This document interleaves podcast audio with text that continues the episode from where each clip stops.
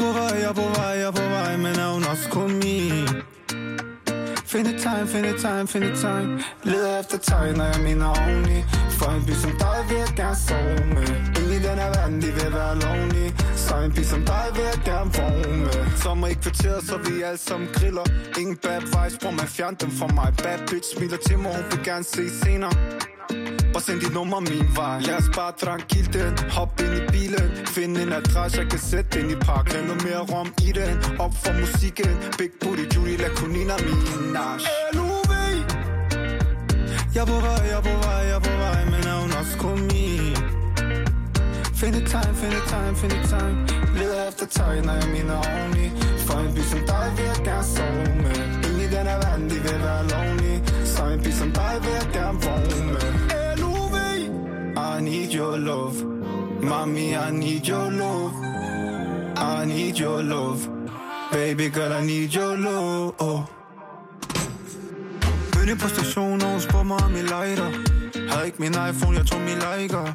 Jeg spurgte hende om min snor, hvis det ikke gør noget. Jeg kunne se det bagfra, hun var en island girl Sagde til mig, det er fint nok. Nu danser hun på mig som en TikTok. Jeg Plejer at være nede, nu vi helt up Jeg er på vej, jeg er på vej, jeg er på vej Men er hun også kun min? Find et tegn, find et tegn, find et tegn. Leder efter tegn, når jeg mener oveni For en by som dig vil jeg gerne sove med. Ingen i den her verden, de vil være lonely Så en by som dig vil jeg gerne vågne med. LUV I need your love. Mommy, I need your love. I need your love. Baby girl, I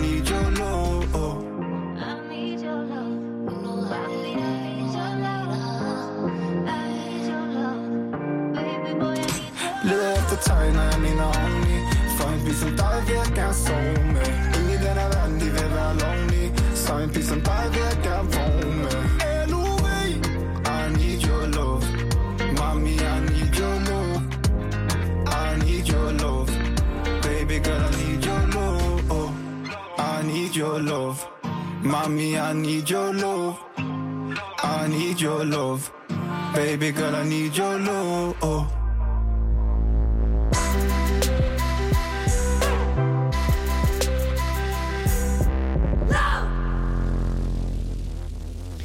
Velkommen til Frekvens her på Radio Loud. Det er vores øh, daglige musikprogram her på kanalen, hvor vi skal snakke om en masse ny musik. Vi skal snakke om øh, danske kunstnere, eller med danske kunstnere især. Vi får Takaria ind i studiet her til øh, en god snak om... Takikardia, den var tæt på, skat. Hvad sagde jeg? Takaria. Takaria. Oh, Men jeg synes, tak, jeg synes Takaria, det kan være, det er sådan en, øh, det er en gradbøjning, ikke? Ved du hvad? Det er torsdag. Det er torsdag. Og ved du hvad, Christian?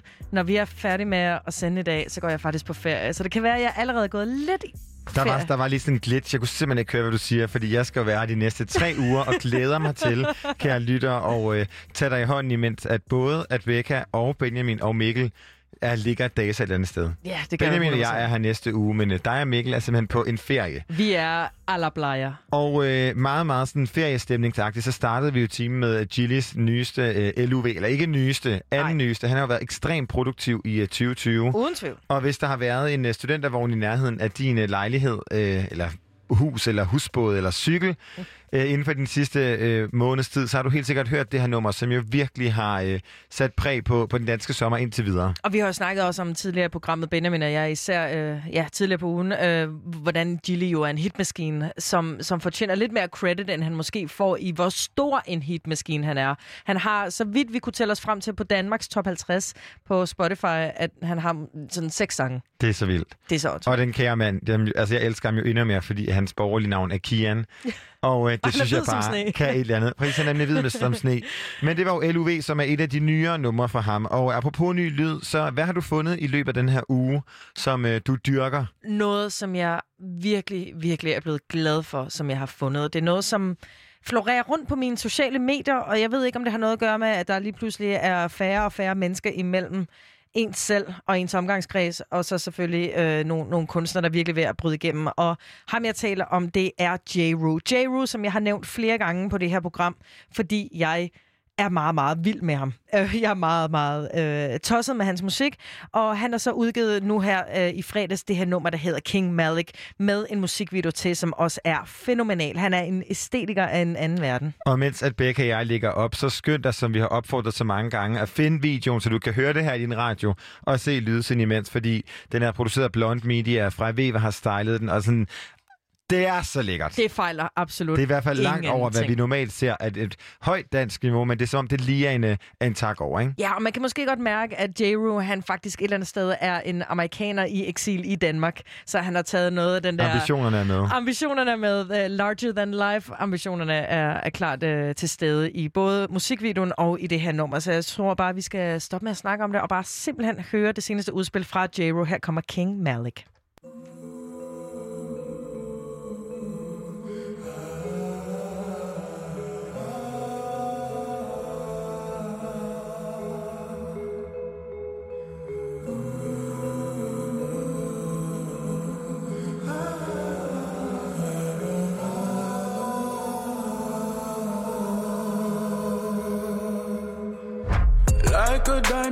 I with the lights on. I will go in the sun like Egyptian. I don't shine in your eyes, bitch, cause I gleam. Till I'm fresh, and force me. I'm the new in the new, there's no question. Should write me a check for this lesson. I command the whole room, no, I don't scream.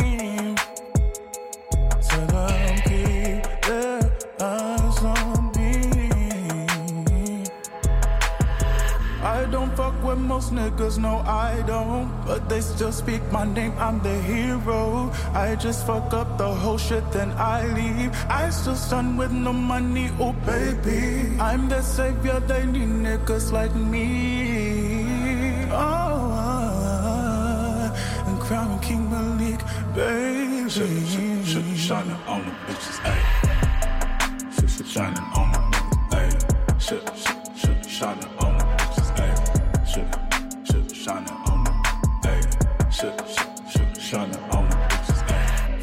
men try hard once to destroy me. So I plucked out his eyes, now he can't see. There are no strings on no chains that will hold me. Oh, and I got nothing to lose, baby. Yeah, I'm the truth, you'll be forced to address me.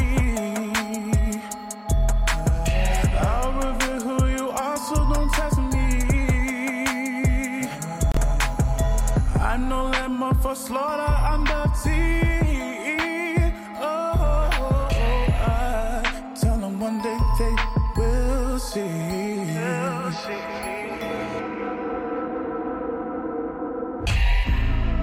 Every king has his ring and he dies. A world build you up and then they want your demise. Jenny said abuse of power come no surprise. And I just wanna free my niggas now for one night. Red no we don't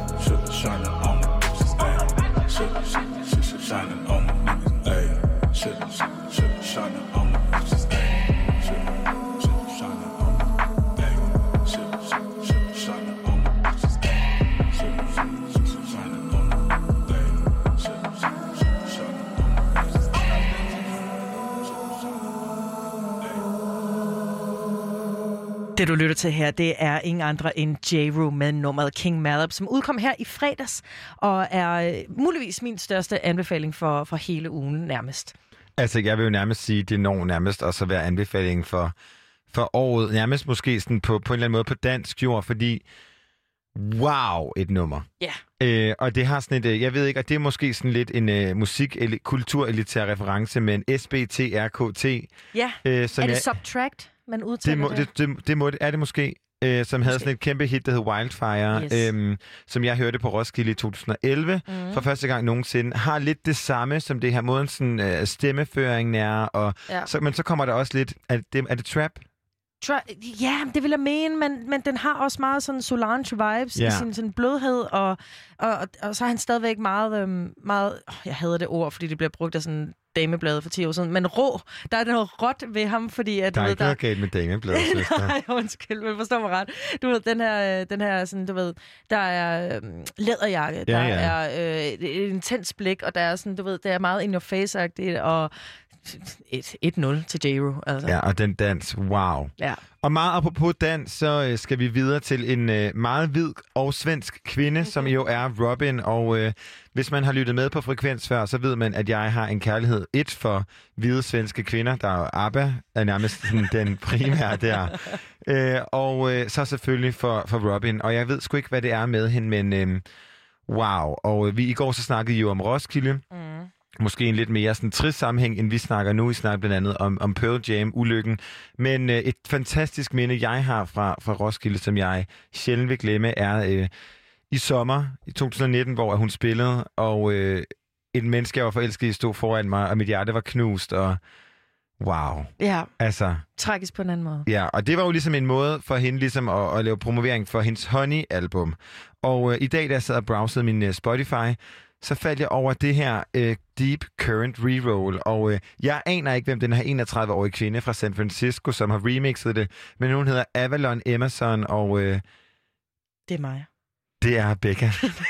altså, og det er et remix af Honey, som er titelsangen fra det her nummer. Og øh, jeg, jeg øh, laver premiere for dig på det, og måske meget også for dig, gerne. kære lytter. Og øh, jeg glæder mig til, at vi skal høre det. Ja, lad os bare sætte det i gang. Uh, ja, nu kommer et Avalon Amazon remix af Robin's Honey.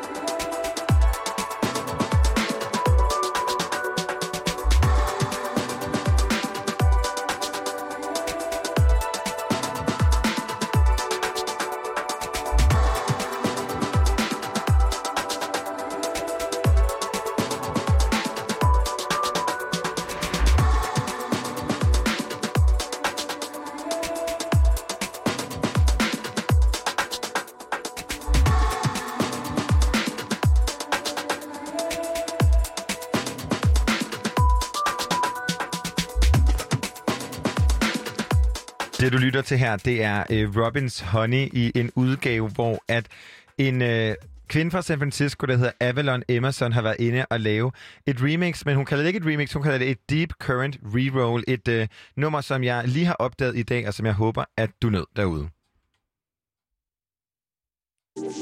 Skal vi lige prøve den Vi der prøver lige igen. igen? Vi gør lige igen.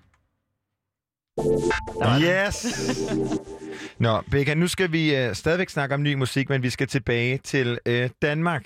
Og øh, det er nemlig fordi, at vi har opdaget en trio, der hedder Tachycardia, som, og øh, det er ligesom en trio, som byder på elementer fra alt mellem trip-hop, alternativ R&B, UK jazz, dream pop, 90'er dance. Sådan en meget, meget Wow. øh, yderst original cocktail med en livlig og langvej smag. Og øh, det tænker jeg lyder da meget lækkert. Hvad tænker du? Jeg tænker, at det er præcis det, den danske musikbranche har brug for lige nu, hvis du spørger mig. Og jeg tænker, om vi øh, skal bestille to af de her cocktails, og måske øh, Luna Mats, forsanger i Tachycardia, kan hjælpe. Ja, det vil jeg da gerne. Det vil du gerne. Velkommen til. Hvad Tusind koster tak. sådan en drink, hvis vi skal sætte en pris på, tror du? Den er fandme dyr. Den er dyr. Er den dyr? hvad, øhm, hvad er der i? En drink med tachycardia. Ja, en tak- jeg vil gerne bestille to tachycardia. Hvad er der så i min drink? Uh, der er rigtig meget kærlighed. Nice. Og så er der øh, rigtig mange lange blikke. Og øh, så tror jeg, der er en del rave Okay. og noget neongrønt. Ja.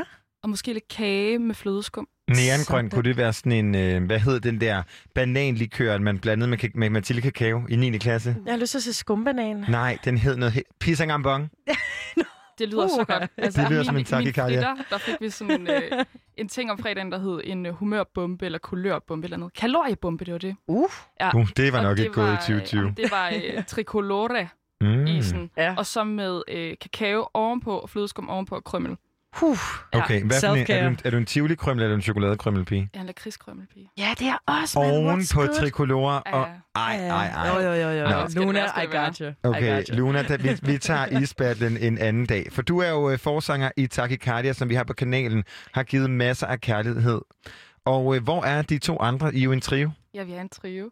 Jamen, Troels han sidder i et sommerhus med sine venner og har det fedt. Hvor våger han? Hvad? Hvor våger han? Ja, hvor våger han, altså helt ærligt. Og øh, David, han sidder og, og koder Okay. Ja. Hvad koder han? øh, sit speciale. Ah. Øhm, han er lidt sådan bandets Chandler. Jeg ved ikke helt 100, hvad det er, han laver, men det er vildt svært. Men Det, og han er men, vildt god til det. Ja, og det er, så, det er sikkert fedt for ham. Men det er sindssygt sejt, han ja. Er den eneste, der kan tjene penge og sådan noget. Så det er fedt. Ah, ja, Ja. okay. Jamen, altså, I er jo øh, en trio af øh, ja, de her to øh, gutter, og så dig. Mm. Hvor kender I hinanden fra? Øhm, vi kender hinanden fra langt tilbage, hvor David og Troels de spillede i et hiphop-kollektiv sammen. Og så blev jeg kæreste med Troels, Mm. og så øh, lærte jeg David at kende igennem det. Ja. Det var dengang. Hva, hvornår var det første gang, du mødte øh, ja, Troels? Ja, det har været i 2014. Faktisk øh, Distortion 2014, Oh. hvor jeg havde helt lyserødt hår og lyserødt tøj. Og rigtig, rigtig 2014-stemning. Drak en rosé, der matchede. Oh. Gennemført. Det kunne han ikke stå for. Alt for the gram. Og hvor længe har I så, udover at der er Troels stadig kærester? Vi er ikke kærester. Okay, uh, Wow, Men I en sammen, Men dynamik. vi er i band sammen. Ej, ja. hvor skønt. Vi har Okay. ikke været kærester længe. I tre og et halvt år eller sådan noget. Okay, og hvor lang tid, hvornår begyndte de så at lave musik sammen? Men Det begyndte vi faktisk på med det samme. Det var lidt sådan en scoretræk, tror jeg. Øh, jeg sagde, jeg sang, og han var sådan, "Nå, okay, men han producerede faktisk også. så øh, tog vi på Roskilde, og så tog vi hjem på Roskilde efter det, og så lavede vi en sang. Så var vi bare sammen i en uge non-stop og lavede vores første sang, som Okay. ikke var en Wow. Takikardia-sang. Blev den god? Den blev sindssygt god. Den var meget sådan R&B'et, øh, meget poppet, og øh, meget sådan soft. Hvor, og hvornår kom David ind i billedet så? Jamen, David spillede allerede det der hip-hop-kollektiv. Okay. Jeg tror, vi lavede den der sang og tænkte ikke, at det sådan skulle være noget. Altså, jeg havde en helt anden karriere på det tidspunkt, og lavede det bare, fordi jeg synes, det var sjovt, og fordi at, øh, det var sjovt at være nyforelsket og lave musik og sådan. Hvad var det for Øh, en karriere? Jamen, jeg var performancekunstner i Amsterdam Ja. og danser, og havde egentlig helt vildt travlt med det. Så det var ikke, fordi jeg sådan tænkte, at, øh, at jeg skulle være musiker. Jeg har bare altid skrevet og sunget, fordi at jeg godt kunne lide det. Brugte min stemme meget. Spændende. Mm. Nej, okay, så du, øh, du, du gennemført kreativ uden tvivl, men øh, fik lige lov til at være i et fedt band lige ja, pludselig. så dejligt. Kæmpe scoring. Jamen altså fuldstændig kæmpe scoring. Så godt være, at vi ikke uh, holdt som kærester, men uh, jeg har da fået en scoring, der var bedre. Undskyld, Troels, det var ikke personligt, men, men end det, ikke? Ja. Men apropos dig og Troels og Davids, er, mm. så til sammen er jo den her trio, som hedder Takikardia. Ja. Og øh, vi øh, opdagede jo, fordi at øh, I havde sådan en, I kom på vores begge tos, selvom at begge jer ikke følger de samme mennesker, så kom I på vores begge tos Instagram som sådan en sponsoreret story. Ej, hvor godt. Og øh, der kunne jeg egentlig godt tænke mig, at nu bliver det meget, meget sådan markedsføringsstrategisk. Ja. Men øh, hvorfor vælger man sådan en, øh, og hvordan vælger man den strategi som øh, ny musiker? Altså også altså sådan en sponsoreret reklame. Ja, på Instagram. Hvordan tænk, hvorfor tænker man, det er vejen frem? Øhm, jamen, fordi vi gerne vil nå nogen, som ikke i forvejen følger os, selvfølgelig. Mm. Og øh, det er altså også lige shout-out til David, der har sat den der kampagne op. Den har da virkelig virket. Ja, tydeligvis. Så øh, det er da dejligt. og så er det også, fordi vi øh, går meget op i at lave vores, vores sådan, visuelle side, og synes også, at det skal bredt ud. Jamen, det som også fangede Christian og, og jeg nemlig, fordi at vi, altså, man blev eksponeret for rigtig meget, det var, at I ikke hverken øh, så ud som sådan jeres, øh, du ved, jeres visuelle udtryk, men også sådan jeres lyd. Det var ikke noget, vi umiddelbart lige kunne placere, og det var det, der gjorde det rigtig interessant. Hvordan vil du beskrive jeres lyd? Vores lyd.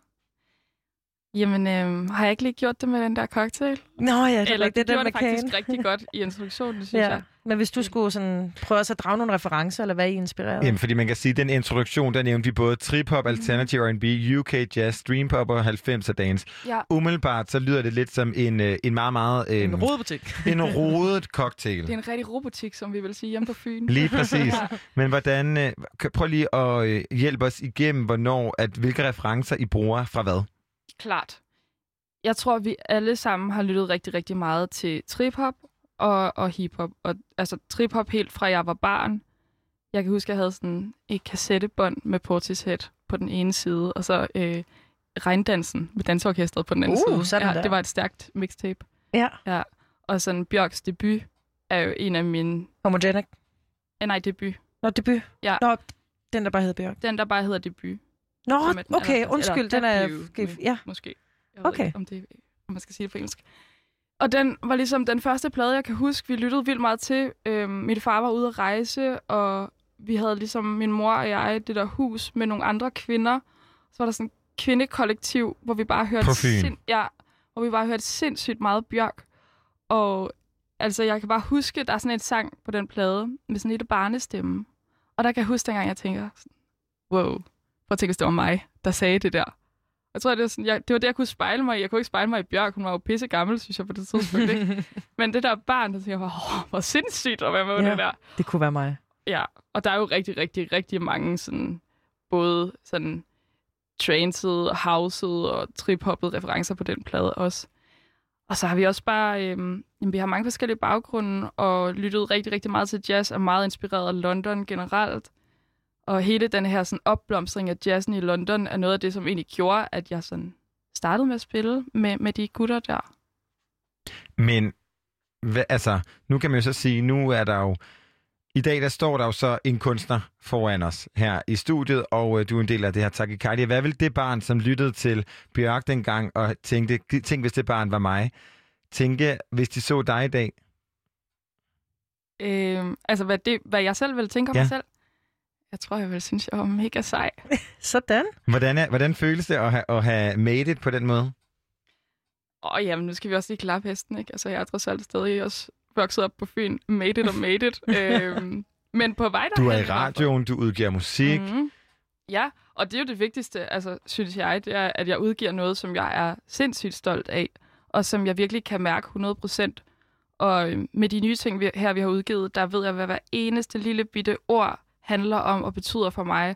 Og det, at der er nogen, der øh, kan sidde og høre det, og det er produceret af den producer, jeg allerhelst vil have skulle producere det, og spillet og skrevet med de musikere, som jeg allerhelst vil arbejde sammen med, det er jo bare vanvittigt fedt. Uden tvivl. Og øh, nu snakker vi lidt om, om jeres lyd, og du nævnte dig selv den her sådan, visuelle side, mm.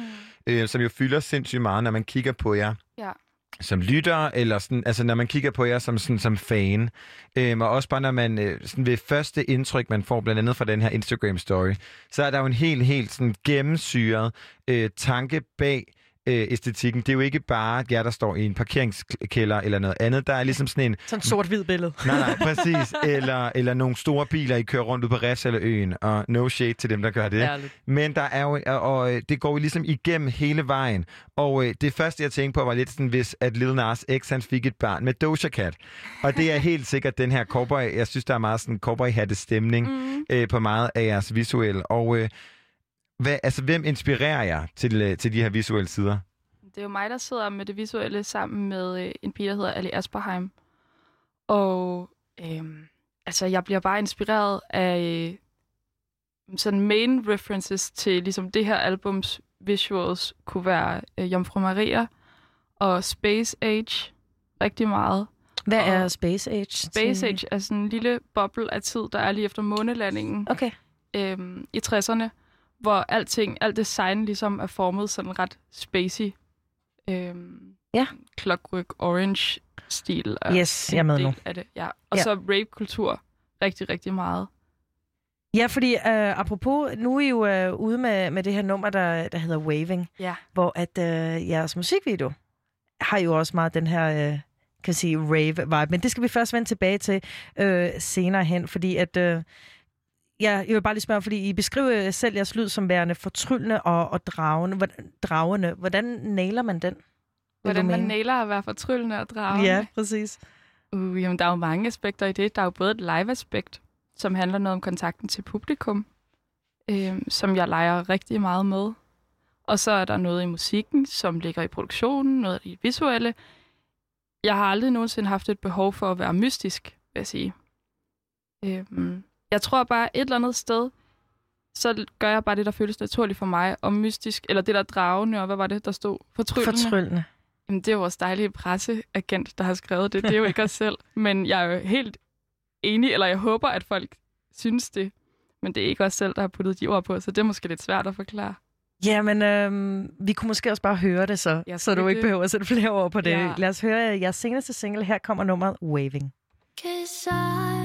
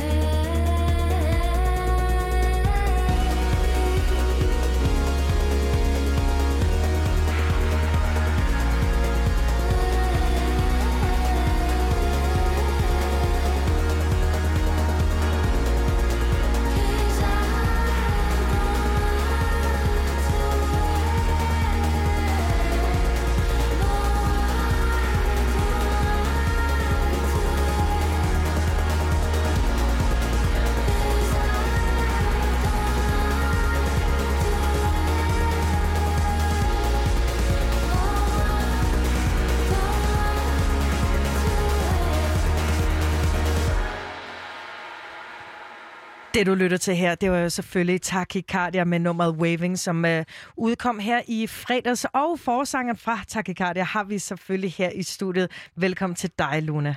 Tusind tak. Hvad hedder det? øhm, Tillykke med den her single, Waving, som er jeres, øh, som sagt, jeres nyeste udspil fra bandet. Hvordan føler du, den er blevet taget imod? Rigtig godt. Rigtig godt. Ja, det er virkelig dejligt. Ja. Ja, Soundvenue har sendt noget kærlighed, og Spotify har sendt noget New Music Friday kærlighed. Sådan der. Det bare fedt. Det er fedt at være et popband nu. 100. Hvad siger mor? Øhm, jeg har faktisk ikke noget at ringe til hende. Okay. Jeg ved ikke, om hun lytter med. Men øh, jeg har slet ikke... Hun, hun skrev en vildt sød besked, at hun var rigtig stolt i fredags. Øhm, men der havde vi lige i gang med en stor fest og sådan noget. Ja, det hænder. Hvad hedder det? øhm, Jeg har lige et spørgsmål i forhold til øh, noget takikardia, som jeg jo selvfølgelig har, har skamhørt hele ugen. Øh, og noget, som I ofte gør, som er noget af det, som jeg holder mest af i musik, og jeg elsker også, du siger, at du at I er meget inspireret af trip-hop, fordi det er også noget af mit, mit yndlingsmusik overhovedet. Og noget af det, I gør, øhm, som jeg har lagt mærke til øh, meget tiden, det er, at I starter et sted og ender et helt andet. Det vil sige, der er sådan en eller anden form for forløb, ja. Som ender i meget energi. Jeg har lyst til at sige Massive Attack Angel.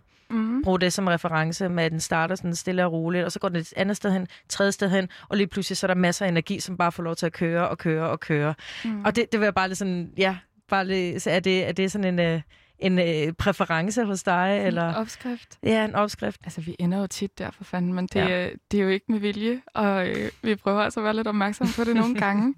Øhm, men jeg tror, jeg kan sige med sikkerhed, at vi er ikke bange for at lade ting køre i øh, lang tid. Mm. Nogen ville måske mene for lang tid. Det synes vi jo ikke, så havde vi ikke kørt det den tid.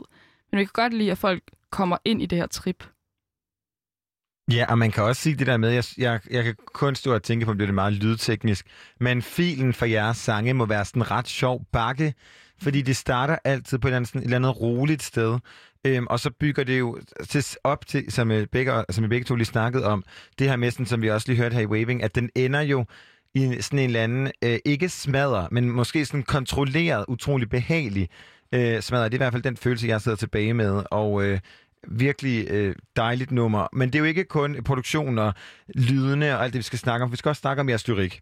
Ja. Og det er jo så din lyrik, kan vi jo godt sige. Og du berører, berører de her sådan, øh, emner, som er alt fra øh, angst og øh, livslange venskaber og stjernetegn, men også, og nu læser jeg op fra din presse, onani, spildtid med smartphones og Tinder.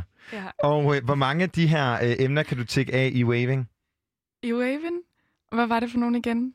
Onani, spildtid med smartphones og Tinder.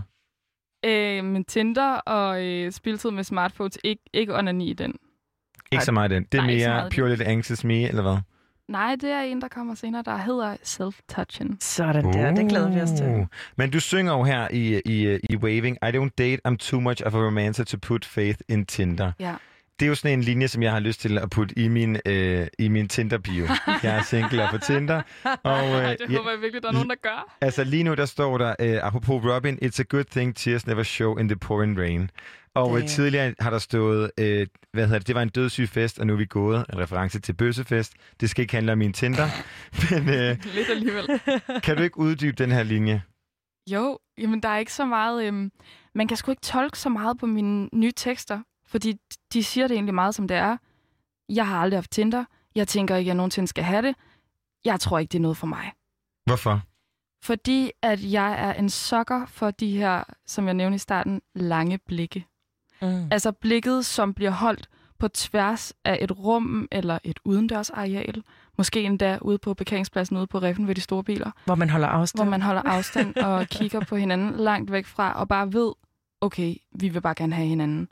Og måske har man ikke engang snakket sammen, og måske kigger man bare på hinanden den dag, eller man kigger på hinanden i mange timer, før at der ligesom sker noget. Og den der connection, den er der jo ikke, når man sidder og swiper. Og så sidder man over for hinanden, og så øh, drikker man måske et glas vin, måske et lækkert naturvin. Det behøver jo ikke at være en dårlig date. Det kan godt være en god, en god date i hvert fald. Det jeg synes kunne være en hyggelig date. Men det er jo stadigvæk en test. Man tester. Kan vi finde ud af noget sammen? Er der en tiltrækning? Kunne vores fremtid være noget, der kunne med hinanden? Passer vores stjernetegn sammen? Passer vores stjernetegn sammen? Ja, fuck. Den skal vi også snakke om. Ja, lad os lige tage Ja. den. Lige tag den, fordi... Ja. Hvilket stjernetegn er du? Fordi din stjernetegn fylder jo meget. Ja, Og, øh, og kender du Troels og Davids stjernetegn ja, egentlig? ja, ja selvfølgelig. Okay, så vi starter med dig, Luna. Hvor- Hvornår er du, når er du fødselsdag? Jeg har fødselsdag 22. maj. Så du er... Ja, det er, hvorfor spørger du hendes fødselsdag? Hvad for et stjernetegn har du? Jeg kan heller ikke gætte det. Tvilling. Du er tvilling. Jeg er tvilling, ja. Satans. Og hvad er Mhm. Troels? Skorpion. Og hvad er David? Fisk. Uh, Ja. Okay. Ja. Okay. Ja. Hvad tror du, vi er? Hmm, krebs. Du tror, jeg er krebs? Ja. Hvad tror du, begge er?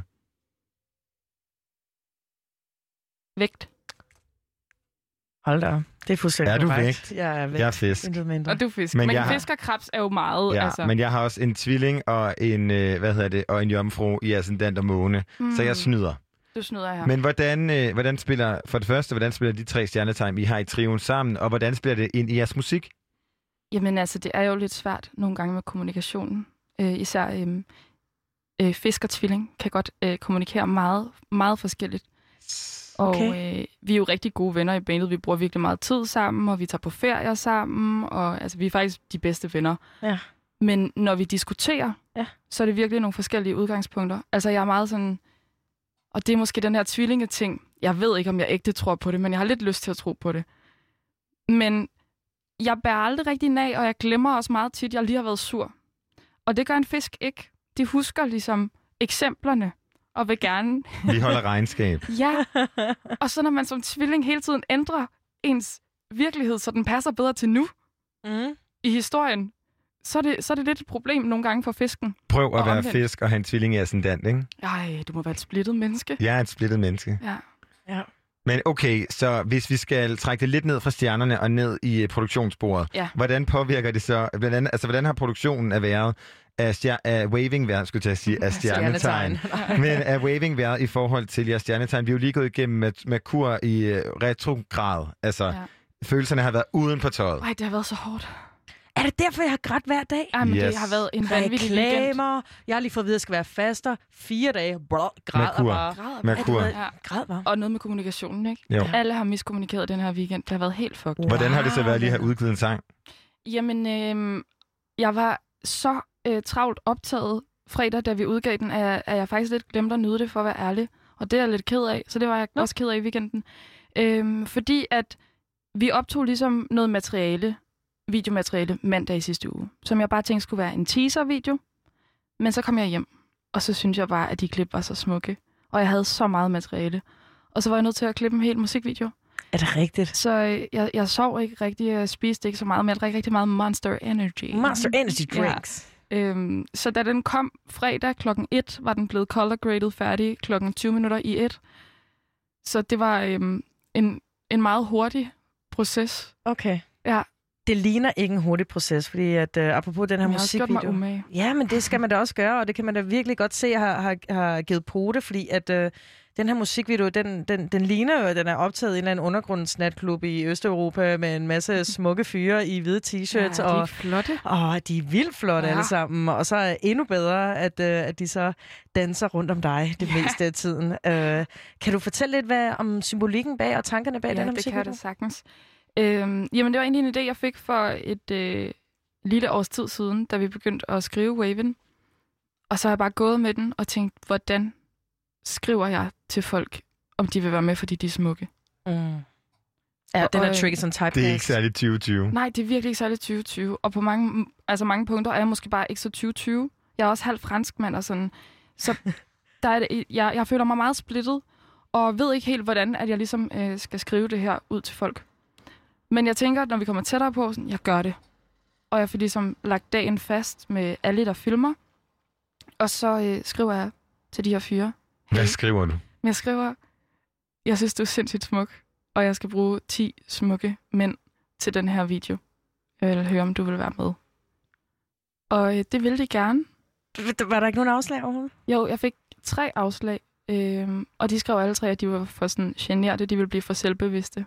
Okay, Ja. alright. Det er real Som talk. om nogen vil sige nej til det.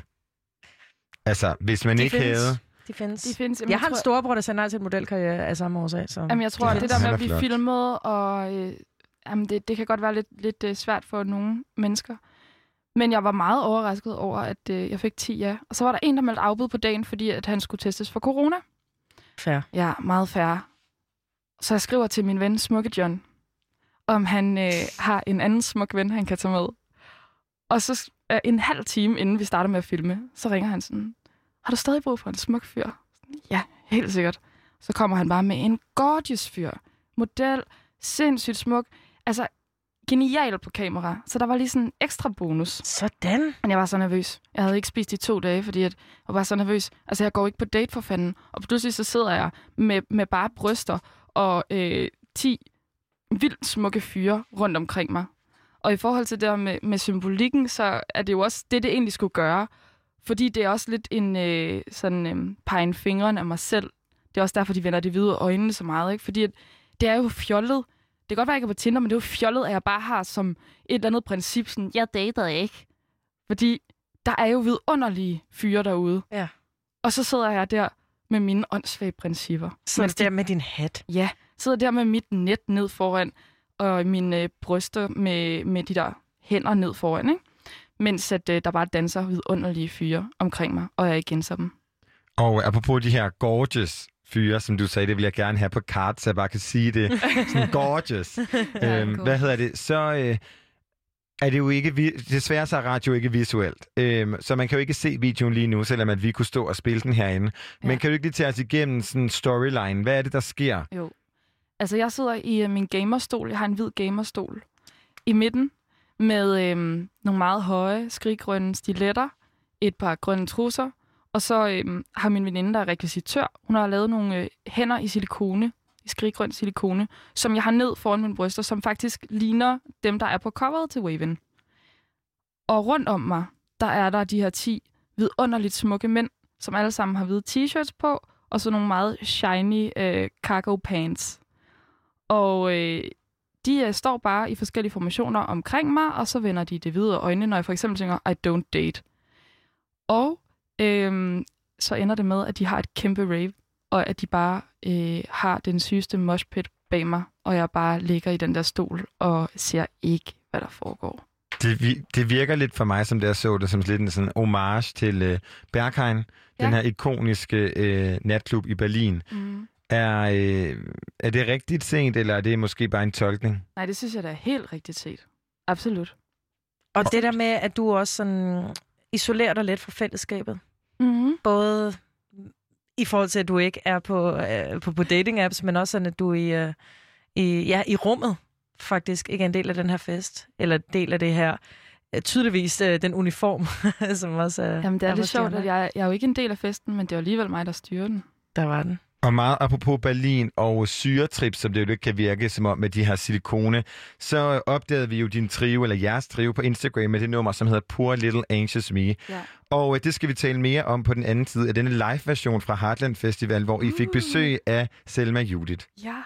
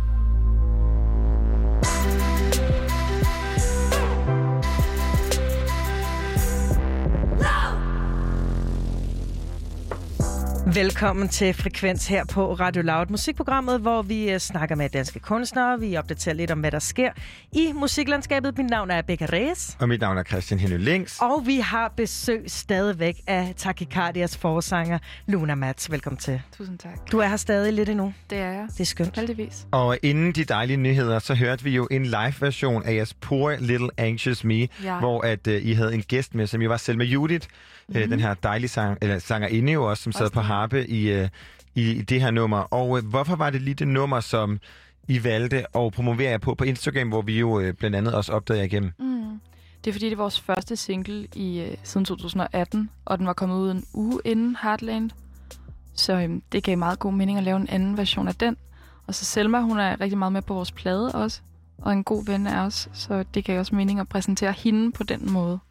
Ja, og mens det her nummer kørte, øh, så nævnt, fik du også lige nævnt, at øh, jeres nyeste udspil, Waving, der spiller Selma Judith nemlig også harpe. Ja, hun gør. Ja. Ja. Um, hvad hedder det? Du nævnte lige, at uh, Poor Little Anxious Me er jeres første udspil i to år. Hvad, hvad har I lavet i de to år op til det? Øhm, vi har bare hygget lidt og drukket noget vin. Hygget lidt. vi har arbejdet sindssygt hårdt. Ja, det tænker jeg nok. Ja, vi har været i studiet i et år og lave vores kommende plade. Mm. Og det har været helt vildt fedt, og vi har arbejdet på øh, måder, vi aldrig har arbejdet på før. Vi har virkelig skrevet musik på en ny måde. Vi troede meget, at vi kom med sådan færdigt materiale. Og øh, så var vi i studiet med Anders Bold, vores producer. Og så opstod der bare magi i studiet, så det blev lidt mere sådan vores fremgangsmåde. Vi kom mere med skitser, og så lavede vi det færdigt sådan i studiet. Okay. Men, Mm. men det har jo en lidt anden lyd, måske ikke, måske faktisk nærmest en drastisk anden lyd end jeres debutsingle Immortalized fra 2017. Ja. Hvordan har I udviklet jer øh, siden dengang? Jamen dengang, der smed vi nogle sange ud for at øh, få noget at lave, altså få lov til at spille live, og det var en strategi, der virkede. Og øh, det er overhovedet ikke, fordi jeg synes, det er dårligt på nogen måde. Jeg synes, det lyder godt, dejligt. Men øh, der var ikke rigtig noget på spil for nogen af os, hverken musikalsk eller øh, sådan personligt på samme måde, som der er nu i hvert fald overhovedet. Øh, det var meget metaforisk, meget drømmende, meget svævende, og øh, det, er jo, det er jo slet ikke sådan, som vi egentlig er, Nej, og, det som er, jeg er. og jeg synes egentlig, det sjove var, at vi, sad, vi har jo lyttet os til det rigtig meget i dag, hvor vi har sådan dyk, dykket ned i den her musikarv, mm. som I jo allerede har. I har også en EP, øhm, og øh, meget, meget, øh, eller sådan den her kardi, takikardianske øh, karakter, karakteristiske ting, der er med, at når man ligesom går op. Immortalized er jo sådan dejligt flat på en eller anden måde. Det er jo ret sjovt, hvordan at både at jeres lyd har udviklet jer, men også ligesom at den har, øh, har bygget sig op til det her. Og for uden din vokal, så har I jo Troels Dankert, hedder han det? Ja. Innovative og dynamiske trommespil som fundamentet, og David Nedergaard på, øh, på keyboard, som sætter sådan lyden til. Og øh, hvordan ser 2020 ud for jer som trio? 2020 er jo til dels aflyst. Øhm, i, sådan på live-delen, der kommer forhåbentlig noget, eller der kommer noget til efteråret, som jeg ikke kan sige så meget om, men som vi glæder os rigtig meget til. Det bliver godt at se alle igen. Og øhm, på udgivelsesfronten, der ser den sindssygt interessant ud. Vi udgiver en ny single i august, og så kommer der et par singler mere, og så kommer der en debutplade. En debutplade, og det, mm. hvornår er det, den kommer? Den kommer i slutningen af efteråret, når Yes. det er rigtig mørkt. Når det bliver rigtig mørkt. Mm. Ja, og så håber vi, at for guds skyld, at landet er, er åbnet, ja, til næste sommer, virkelig. Ja. så man kan få lov til at opleve øh, jer live.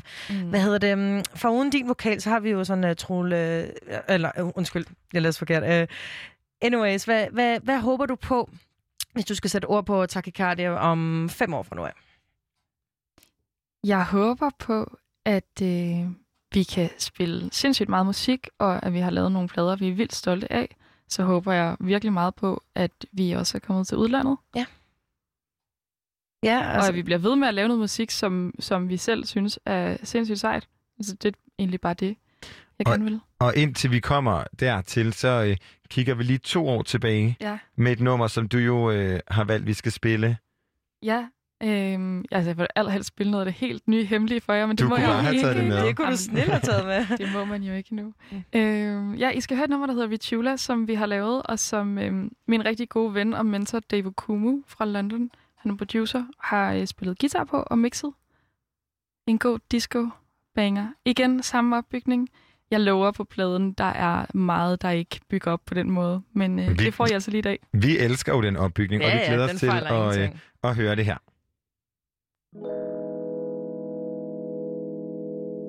Out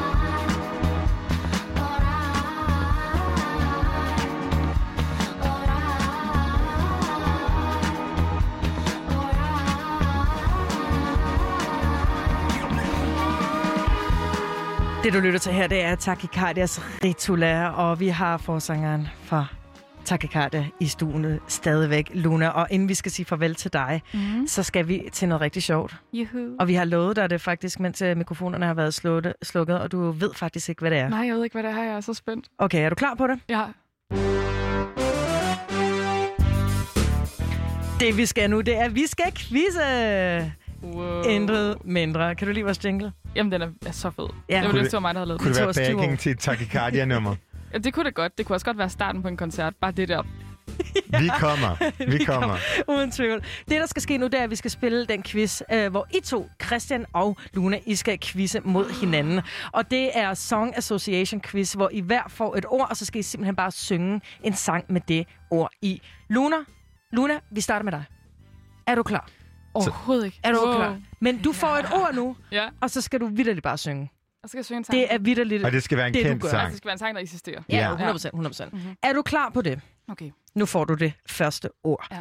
Ordet, du får her, det er sweet. Sweet dreams are et andet. Den der.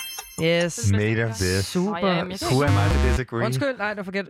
Der var den der. Ah, jeg fik alligevel en klap, hva'? Et point, Ja. et point. Alright, super duper duper. Christian Hennølings, du får det næste ord. Er du klar, min ven? Yes. Det er det ord, du får her, det er sour. Sour. Sour, ca- sour candy, so sweet that I get a little angry, yeah. Sour Åh, det er candy. sygt nok. Yeah, yeah, yeah. Jeg synger rigtig godt. Sådan Du der. synger dejligt, men altså, jeg kan ingen sange med Sauer. Sour candy, Blackpink, Lady Gaga. Så, så var det heldigt, at du ikke der. Chromatica. Anyways, der står 1-1 nu, venner. Luna, det er din tur nu. Ja. Du får det ord, der hedder sister. Hey sister, so sister. Da, da, da, da, da. Wow, det var alle jinglerne på en gang. Jeg synes, det er lækker. er det ikke rigtigt? Jo. Soul Sister. Uh, hey Sister, Soul Sister, det var Lady Marmalade. Det var nemlig... Står der simpelthen 2-1 nu? Det står 2-1 Jeg har jo nu. ellers sådan, jeg vinder jo rigtig meget normalt. Nu gør får du ikke. Du får det næste ord nu, min Ja. ven. Du får ordet brother. Hey, brother. There's an endless go that we discover. Men når vi er ved at løbe tør for tid, Luna, det er din tur. Du får det ord, der hedder true. Fuck. True? Mm. I see your Det ved jeg ikke. true colors. Hvad er det for en? And that's why I love Den får du. nej, desværre. Den desværre. får du for mig. Nej, nej, Nej, han får absolut ingenting. minus. 2-1. det er din tur, Christian. Du får det næste ord, det er smell. Roses really smell like boo boo boo. Åh, oh, det var alt forkert. Sådan der. Jeg elsker, at der er sådan en TikTok ved dig. Jeg er ret vild med din remix i dag. Tusind Det, tak. det er sådan din nye pult, det der, ikke? Ja, jeg har Ja. fået nogle knapper, jeg kan trykke på. Luna, Ja. du får det næste, nummer, øh, næste ord. Det Ja. ord er way. Altså, jeg er jo virkelig dårlig til det her. Way? Mm-hmm. Jeg kan jo ingen tekster ud af min egen. Og jeg synger sgu ikke noget om way. det er genialt. Christian, det er din tur. Du får ordet where. Where do we go from here? Jamen, Han er altså, imponerende. han er så imponerende. Han er så vild. Ja. Han er så vild. Men det er også imponerende, hvor dårlig jeg er, synes jeg. Og især fordi, at jeg har fundet ud af, at fra begge, at jeg får, jeg får svære ord end gæsterne. Ja, ja. Det Ja. kan jeg da godt høre. Er du sindssyg? Luna, du får et rigtig godt ord nu. Du får Det her, det ordet... er kvitt eller dobbelt. Så Det- nu, du, du kan vinde det hele på at svare rigtigt på den her. Okay. Ja, lige præcis. for Lige nu står den 4-2, ja, ja, desværre, den er til helt kammeraten herovre. Startede godt. Er du klar, Luna? Du får et sjovt Ja. ord nu. Du får ordet bitch.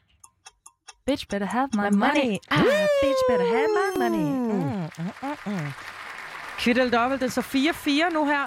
Du får et ord her nu, Christian. Du får ordet whisper. Altså, må, det, må jeg grædbøje det? Mm. Whispering at the top of my lungs. Someday I like to er remember. Han er så vild.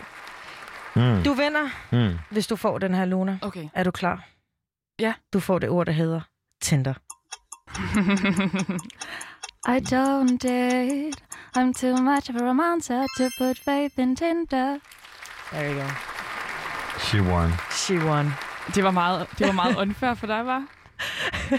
Ja. Ja, Det er så lejre sta- her. Statistisk vandt jeg jo, men fordi Ja. jeg er så godt et menneske, og fordi Jylland altid har haft lidt ondt af Fyn, så øh, lå vi at vinde, ikke? Tak for det. Jeg Ja, håber, så du får en lidt. god Tinder-karriere. Og jeg glæder mig til at komme og spise noget brunner Ja, hos dig. Ja, ja, det er til releasen. Ja, Inviter det inviterer du os på, ikke? Helt sikkert. glæder vi Der os til. Ikke desto mindre. Tusind tak til jer. Tusind tak, fordi at du var med i dag. det var så en lidt- kæmpe det var fornøjelse. Luna. Vi høres ved, når vi øh, hører mere fra Takikardia. Det kan I tro. Becca, den øh, danske musikbranche føler sig rimelig nedprioriteret, alt imens at fodbold og alle de her andre større forsamlinger bliver større og større. Og øh, det konstaterer flere medier og spillesteder, hvor blandt andet at spillestedslederen for det regionale spillested Retter i Aarhus kritiserer, hvordan den her regering, som vi jo har i Danmark, har behandlet genåbning af den danske livebranche. Hun hedder Mia Fuglsang Holm og sammenligner de forhold, som livebranchen har åbnet, øh, har ligesom sådan, har åbnet op for, eller under øh, med genåbningen af sport, altså det her med, sådan, hvordan at, øh, forholdene har været for livebranchen, og hvordan forholdene har været for sporten. Og øh, det synes vi naturligvis som musikelsker er en meget interessant debat, og en debat, som vi jo også har dagligt her på redaktionen. Så nu kan vi byde velkommen til Mia Fuglsang Holm, spillestedsleder for Spillestedet Retter i Aarhus. Velkommen til Tak dig, Mia. Tak, tak. Hej. Er der lidt hektisk Hej. stemning på radar i øjeblikket?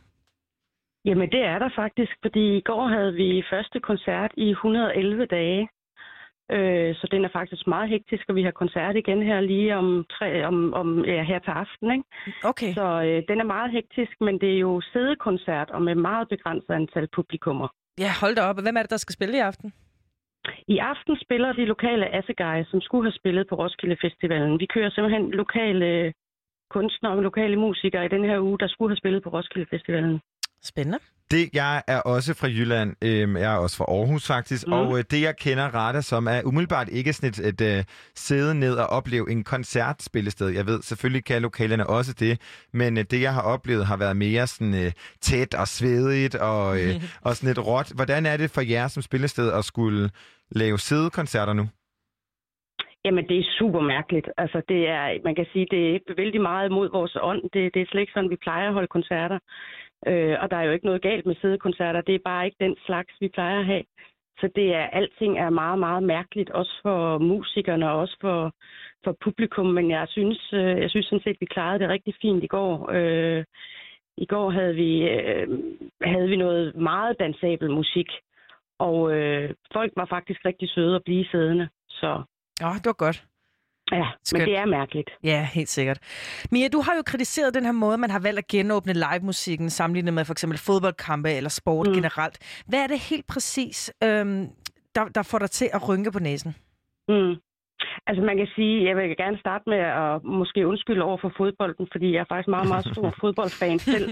Men det var jo bare et eksempel på denne her genåbning, som, som drøner der ud af, og som jo på rigtig mange måder er rigtig fint. Øh, men der er bare flere og flere ting, der åbner, og det bliver bare provokerende, når man sidder i en branche, som er fuldstændig lukket ned. Altså, øh, når man ser, at Jamen altså 1.500 mennesker, meget unge mennesker, kan mødes i Nordjylland på campingplads, som egentlig i min optik er en skjult ungdomsfest, ikke mens festivaler, de må ikke afvikles. Ja. Øh, vi, må, vi må mødes mange, mange hundrede, snart tusinder til fodboldkampe. Vi må rejse over grænsen, der kommer turister ind. Øh, de unge sidder i Botanisk Have og Skanseparken i Aarhus, der er proppet om aftenen.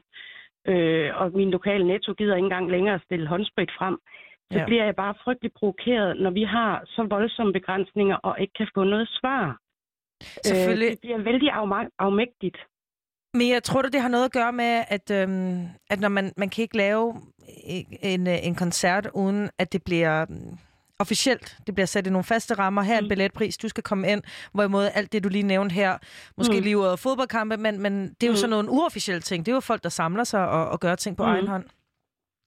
Jo, men jeg tænker, at det er så ikke lige så farligt, som at man kommer herned. Altså, jeg har da aldrig nogensinde oplevet så meget håndsprit i mit liv, som vi har hernede. Mm. Vi går og desinficerer øh, øh, alt en time før vi åbner med sådan en særlig desinfektionsvæske.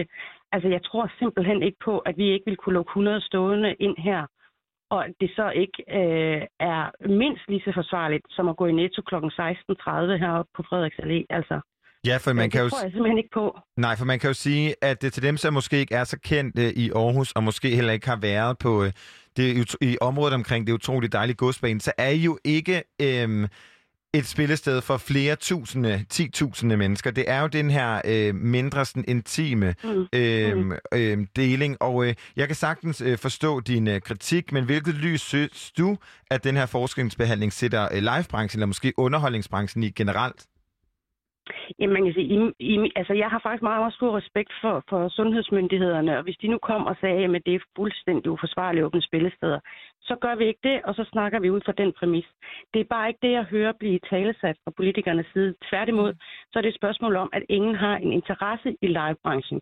Vi er, vi er simpelthen ikke interessante nok til at snakke om, så det her handler, og det er derfor, jeg bliver så ophidset. Det er blevet et øh, politisk spørgsmål nu, og en politisk prioritering. Øh, og det undrer mig jo, fordi så vidt jeg kan se, når jeg forsøger at google mig frem til tal, så sidste år solgte Superligaen cirka 1,1 millioner billetter. Spillestederne solgte 2, 2 millioner. Hold da. Altså, så, jeg kan, så jeg kan faktisk ikke forstå det her. Øh, hvis, hvis det er et sundhedsmæssigt øh, spørgsmål, jamen, så meld det ud til os, så må vi tage snakken derfra. Men det handler om, at politikerne egentlig ikke synes, at vi er interessante og relevante.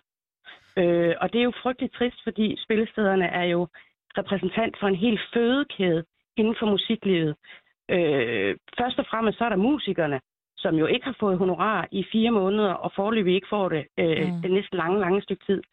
Men der er jo også masser, tusinder af freelancer, der er udlejningsfirmaer inden for lys og lyd og mandskab. Det er jo en hel fødekæde, man overhovedet ikke prioriterer politisk. Og det hisser mig op nu. Det er og helt forståeligt. Og, og, og, øh, vil du mene, der også er en mistillid her i, i livebranchen? Altså folk har ikke tiltro til, at det her det er en branche, som er, ja, er lige så populær som en hver andre ting. Jamen, det kunne jeg da godt være bange for. Altså, øh, jeg kunne da godt være bange for, at man, man, man synes, at spillesteder er, er sådan noget, hvor, hvor folk går hen og drikker sig fulde og, og skærer rundt. Og det er jo ikke tilfældet. Jeg mener, caféer og barer er åbne nu. Øh, det her kommer folk for at, at høre musik og drikke et par øl, og så går de videre ud i byen. Så ja, det er muligvis også et spørgsmål om, at man ikke har tillid til, at, øh, at vi kan håndtere øh, folk. Og vi er jo, altså som spillested, er vi jo vant til at håndtere mange gæster. På retter må vi have 300. Vi, vi hører absolut til i en af de mindste. Men der er jo de store spillesteder, der, der kan håndtere flere tusind mennesker. Og det går jo altid godt. Altså. Så, så det, det, er, øh, det er nok også en, måske mangel på tillid over for vores branche, ja. Man Det kan, man kan, på respekt, tror jeg også. man kan jo i hvert fald sige, at det er jo common known, at når folk går til fodboldkampe, så drikker de ingen øl, de rører ikke hinanden, de Ja, råber og de ikke, og de stille. står helt stille ikke? og spritter rigtig meget af.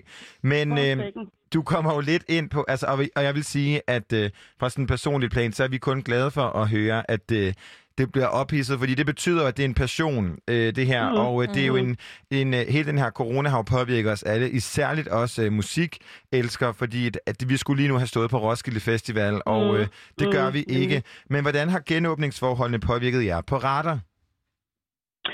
Jamen genåbning kan man sige, vi, vi har lov til at åbne op for siddende nu, øh, og, og det er noget med nogle kvadratmeter og sådan noget, og vi må så have 50 siddende. Øh, og det er det, vi må lige nu, og mere ved vi ikke. Altså stående koncerter er stadigvæk ikke tilladt. Øh, og, og, og så kunne jeg stoppe her og sige, mere ved jeg ikke, for det ved jeg ikke. Altså, øh, jeg ved, vi har, vi har indgået kontrakter resten af året med 70 artister. Øh, og lige nu ved jeg jo ikke, om vi kan gennemføre de koncerter, fordi øh, altså, vi har jo koncerter i efteråret, der har solgt væsentligt over de der 50 billetter, vi må lukke ind lige nu. Og det vil sige, lige nu sælger vi billetter til hele efteråret, men, men jeg bliver også fuldstændig... Jeg lægger mig ned og siger, vi stikker måske også folk blå i øjnene, for vi aner ikke, om vi må gennemføre de her koncerter. Øhm, og det er jo det, der er så frustrerende. Ja, det, og, og det er helt forståeligt. Hvor, hvor, hvor kritisk øh, mener du, det er så, så lige nu? Altså nu, nu er der jo selvfølgelig, du kan ikke forudse fremtiden, men, men den, altså, øh, at, at, vil du sige, det, det står kritisk til på, på radar? Jamen, det står kritisk til på den måde, at hvis vi, hvis vi holder helt lukket, så kan vi godt med det driftstilskud, vi har, øh, betale vores husleje og betale lønnen til, til de her fire mennesker, der sidder på kontoret. Men vi kan ikke lave nogen aktiviteter. Øh, jeg kan også sige, at de 10 koncerter, vi har åbnet op for her i juli med 50 gæster, øh, det, de giver jo, hver og en giver dundrende underskud. Men vi gør det simpelthen, fordi vi bliver nødt til at sætte gang i bæksten, og vi bliver nødt til at få nogle musikere Ja. ind, nogle lokale musikere, der skal have nogle honorarer. Men det her kan vi jo ikke blive ved med, hvis vi... Øh, vi plejer normalt at have en 15-20 koncerter om, om øh, måneden. Og så, så vil der jo gå to måneder, og så, så er vi jo konkurs, hvis vi bliver ved. Okay. Nu gør vi det i juli som et forsøg. Ja. Men, men det kan vi ikke. Altså, hvis tingene ikke ændrer sig fra august, så må, så må vi jo lukke ned igen. Og meget apropos så- de her gæster, øh, som jo er så heldige at være blandt de 50. Altså, jeg gik Mhm. i en gymnasieklasse med 35. Det er jo sindssygt at tænke på, at det er os gange halvanden. Det, så er det slut, der kan ikke komme flere mennesker. Men hvordan reagerer, altså hvad oplever I som spillested, at øh, øh, ja, koncertgængere, altså hvordan er de, Mhm. de normale radargæster, hvordan, hvad Mhm. tænker de, hvad siger de? Nu har vi jo kun, kan man sige, øh, holdt en koncert i går, og nu er vi så i gang med den anden. Øh, jeg synes, der er, altså folk har enormt lyst til at komme ud og komme ind på et spillested. Og det, det er sådan set ikke det, vi normalt oplever om sommeren. Om sommeren har vi faktisk ikke koncerter normalt, fordi folk jo vil på festivaler, og de vil ud i solen. Men lige nu vil de bare rigtig, de synes, det er så hyggeligt at komme ind på et spillested og få en fadøl. Og de synes faktisk også, det er hyggeligt at blive sat på en stol, og der kommer høj musik ud af højtalerne. Så jeg synes faktisk, at folk de spritter af og spritter af, og de gør, hvad vi siger og sådan noget. Så jeg synes, altså folk har ligesom købt, og det tror jeg, der gælder stort set os alle i samfundet, vi har efterhånden købt den præmis, vi skal være sammen på. Ikke? Altså, øh, så de der regler, dem, øh, de er efterhånden indgroet hos mange af os. Så, så øh, jeg synes, der var, øh, i går var oplevede jeg en stor glæde, da folk begyndte at komme ind. Altså det var, det var faktisk rigtig rart at se. Jamen, vi glæder os også til, at vi kan komme ud til øh, koncerter igen. Men øh, Mm. noget, jeg kom, noget, jeg ikke, ligesom en tanke, jeg ikke kan give slip på, det er det her med, at selvfølgelig kan vi godt... Øh, jeg er meget, meget større musikelsker, end jeg er fodboldfan, så jeg kan da godt være misundelig på øh, fodboldfans, at de kan komme til. Men samtidig så er en eller anden sted, så er jeg også bange for at blive et epicenter for en bølge. 2. Øh, Mhm. Hvilke tanker gør I om det? Jamen, det, det, det kan jeg da godt forstå, og det er jeg da også selv. Jeg synes ikke, det er særlig øh, rart, den måde, vi skal som samfund skal øh, gebære os på lige nu. Øh, men jeg mener, der kan, det kan være, der kommer et, et udbrud med, under en koncert på radar, men den kan jo lige så godt komme øh, til en fodboldkamp, eller på et plejehjem, eller i en folkeskole, som Ja. ja. vi ser. Altså, jeg har ikke set noget bevis på, at, at det så lige skulle være på et spillested, der er værre. Øh, den kan jo komme hvor som helst, altså. Øhm, så, så altså, den kan jo ramme os lige pludselig, og vi ved ikke, hvor det er.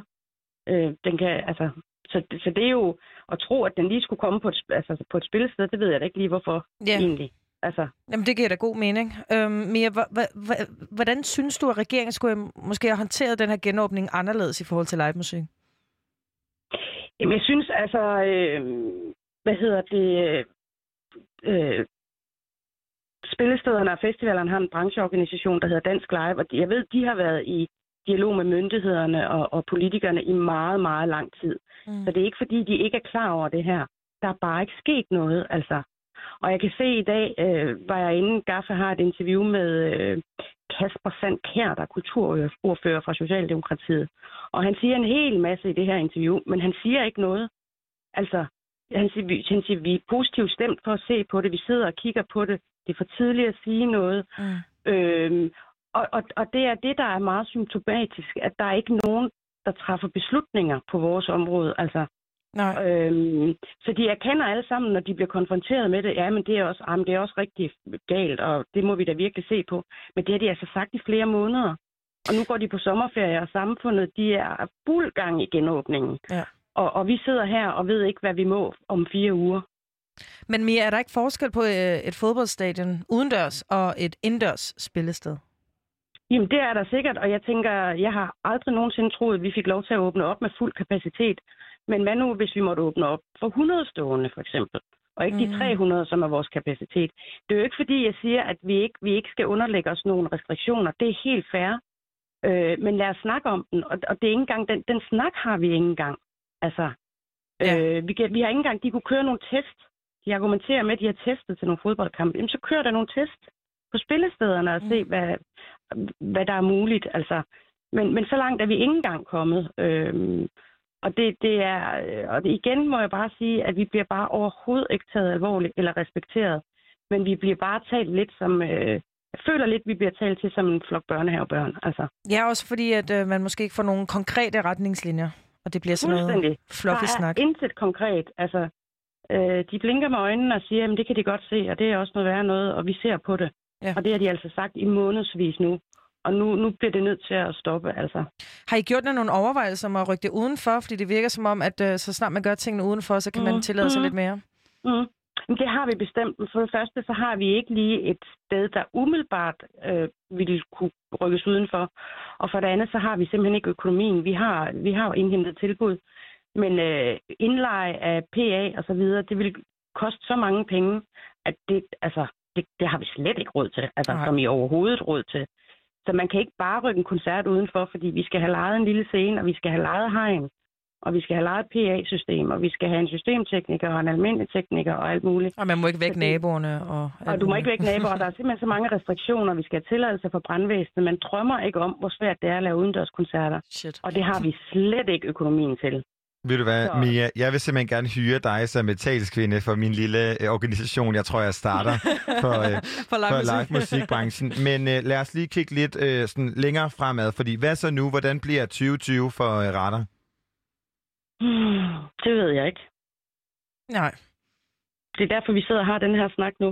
Ja. Fordi Altså- det ved jeg ikke. Altså, vi, vi har vores første koncert efter sommerferien. Det er 14. august, og jeg ved ikke om... Altså, jeg, jeg ved ikke, hvad vi må. Øhm, Og har I solgt billetter til over 100? til ja, den? det har vi. Vi har solgt flere, end vi lige nu må lukke ind. Ja. Okay. Øhm, og det er jo igen, altså, og så kan man sige, jamen det kan I da bare lade være med, I kan stoppe. Ja, men vi plejer at sige, at en koncert skal for, for vores vedkommende, det er sikkert forskelligt. Vi skal have to måneder til at køre en koncert op for at få solgt billetterne. Ja. Øhm, så vi kan jo ikke bare gå ud øh, 10. august og sige, øh, hey, vi har en koncert på fredag. Fordi så taber vi også penge. Altså, så det er, jo, det, det er jo et langt sejt træk at sælge billetter. Det, det er ikke... Øh, øh, altså, det kan godt være, at Hugo Helmi kan sælge 3.000 billetter på, på et par dage, men det kan vores artister altså ikke. Ja. Øhm, så vi kan ikke bare øh, vi kan ikke bare få en uges varsel, og så laver vi en koncert. Ikke desto mindre, så synes jeg, at øh, vi skal slutte af øh, på det her interview med at spille Assegai Aarhusianske, øh, yeah. det her Aarhusianske band, som jo spiller, eller faktisk når det her, som jo lige har spillet på, øh, på radar. nemlig. Og øh, jeg har valgt det nummer, der hedder Jay Shampoo. Og øh, Mia Fuglsang Holm, tusind tak, fordi du var med. God musik.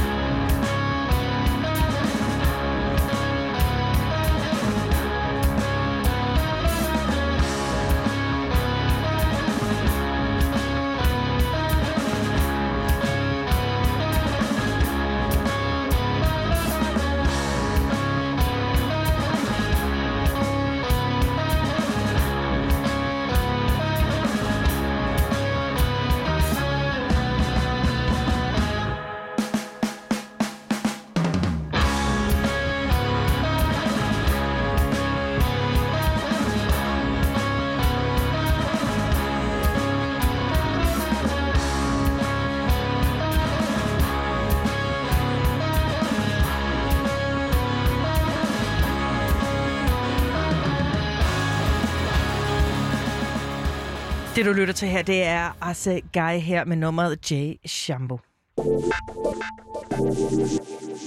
Mia Fuglsang Holm nævner den kontroversielle Skyland Festival. En festival, der bliver afholdt lige nu i Nordjylland. Og pt. er der tusind unge mennesker samlet til, hvad der minder meget om campingområdet på f.eks. Roskilde Festival. Og i næste uge køres endnu et hold på 1500 gennem campingområdet, hvor festivalen afholdes. Ja, og Radio Louds debatprogram Touché havde tidligere i dag Nikolaj Lund Pedersen, som er medarrangør af den her omstridte festival Skyland, inde på en telefon, og det kan lytte med til her. Bjørn Nikolaj Lund Pedersen. Hej da, ja, det er korrekt. Hej. Og øh, selvfølgelig, selvfølgelig kan man det, fordi vi har ordentlige forhold heroppe også. Ja, øh, Bjørn, du er jo arrangør af Skyland Beach Camp og øh, med på en telefon direkte Ja. fra, fra der, hvor det, hvor det hele går ned. Kan man ikke sige det sådan? Lige, præ- lige præcis, det er korrekt, ja. Bjørn, først og fremmest skal vi lige høre, altså, hvordan går det med Skyland Beach Camp? Er der, er der god stemning? Ja, men det, altså, men det første, vi er, vi er helt ovenpå os, der, der, der er holdt bagved. Øhm, nu havde vi et, et, et helt vanvittigt øh, setup i går. Vi havde noget, der vi kaldte Neon Night Run i går nede på stranden. Hvad, hvad, Og, øh, kan du lige sige det igen? ja, det kan jeg Night, på. night Run, hvad hedder det? Ja, men du skal lige have neon med os. Neon Night Run kaldte vi det. Neon Ru- Night Run. Ja, lidt, lidt, kompliceret. Men det, hvor vi har simpelthen øh, givet alle sammen maling på, øh, på hoved og røv og det ene og det andet. Så, øh, så det var totalt cool. Og så havde vi UV-lamper nede på stranden. Og vi havde bål, og vi havde fakler, og vi havde det vildeste musik. Og folk dansede bare, som man, man så det i en eller anden øh, Blade-film eller noget i stil. Det var så fedt. Det var, folk de kom her til morgen og sagt, det her, det var det vildeste, de har været med til. Så det kører bare herop, og der er fuld smæk på. Der er endda nogen, der, der siger, det her, det er, jo, det, er jo, det er jo ligesom Roskilde, bare uden det store musiknavn. Det er jo endnu vildere, det er federe. Det er, vi- det er så positivt op. Ja, det er jo altid øh, en, en vild fest, man kan få i gang, hvis nu, at der kommer lidt øh, neon øh, oveni. Men jeg vil høre, altså øh, bare lige, ja. så vi kan få et billede af, hvordan at det ser ud. Altså pladsen er inddelt i områder, hvor man maks er 50 gæster. I har nogle vagter også, der går rundt og sørger for, at folk holder afstand og sådan noget. Hvordan gør vagterne det helt præcist? Jamen igen, det, det er jo en meget, meget stor øh, femstjernet campingplads, vi er på, og derfor har vi lavet nogle rigtig store felter, hvor man siger, jamen der er maks 50 personer i de felter. Øhm, og, og det fungerer på den måde, at der er jo slået et forskelligt telt op, og, og folk de har lidt ølbowlingbaner og, og, og pavilloner.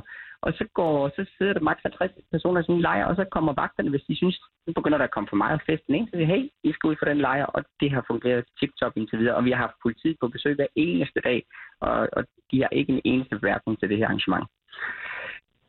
Og hvordan går det egentlig med at overholde reglerne? Altså jeg tænker, Neon Night Run, øh, man har noget neon og farve i øh, ansigtet, på ballerne. Ja. og sådan noget. Ja. Jeg tænker, man er sgu et øh, særligt beruset sted, hvis man lige øh, tænker, at man skal have noget øh, farve på ballerne og sådan noget. Kan man virkelig holde afstand i den situation?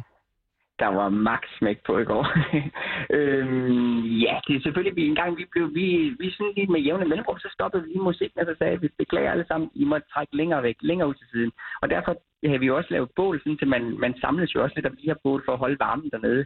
Øh, og det gik rigtig fint, men selvfølgelig folk, blev, jo mere smæk, der kommer på, nu mere samlet det sammen. Men, øh, men vi, vi løste det fint, og, øh, og vi holdt de her maks 50 personer samlet på et sted. Og igen, vi havde politiet med på sidelinjen. Mm. Der var ikke en eneste bemærkning. Og I har ikke nogen samlingssteder på festivalen, er det, er det rigtigt?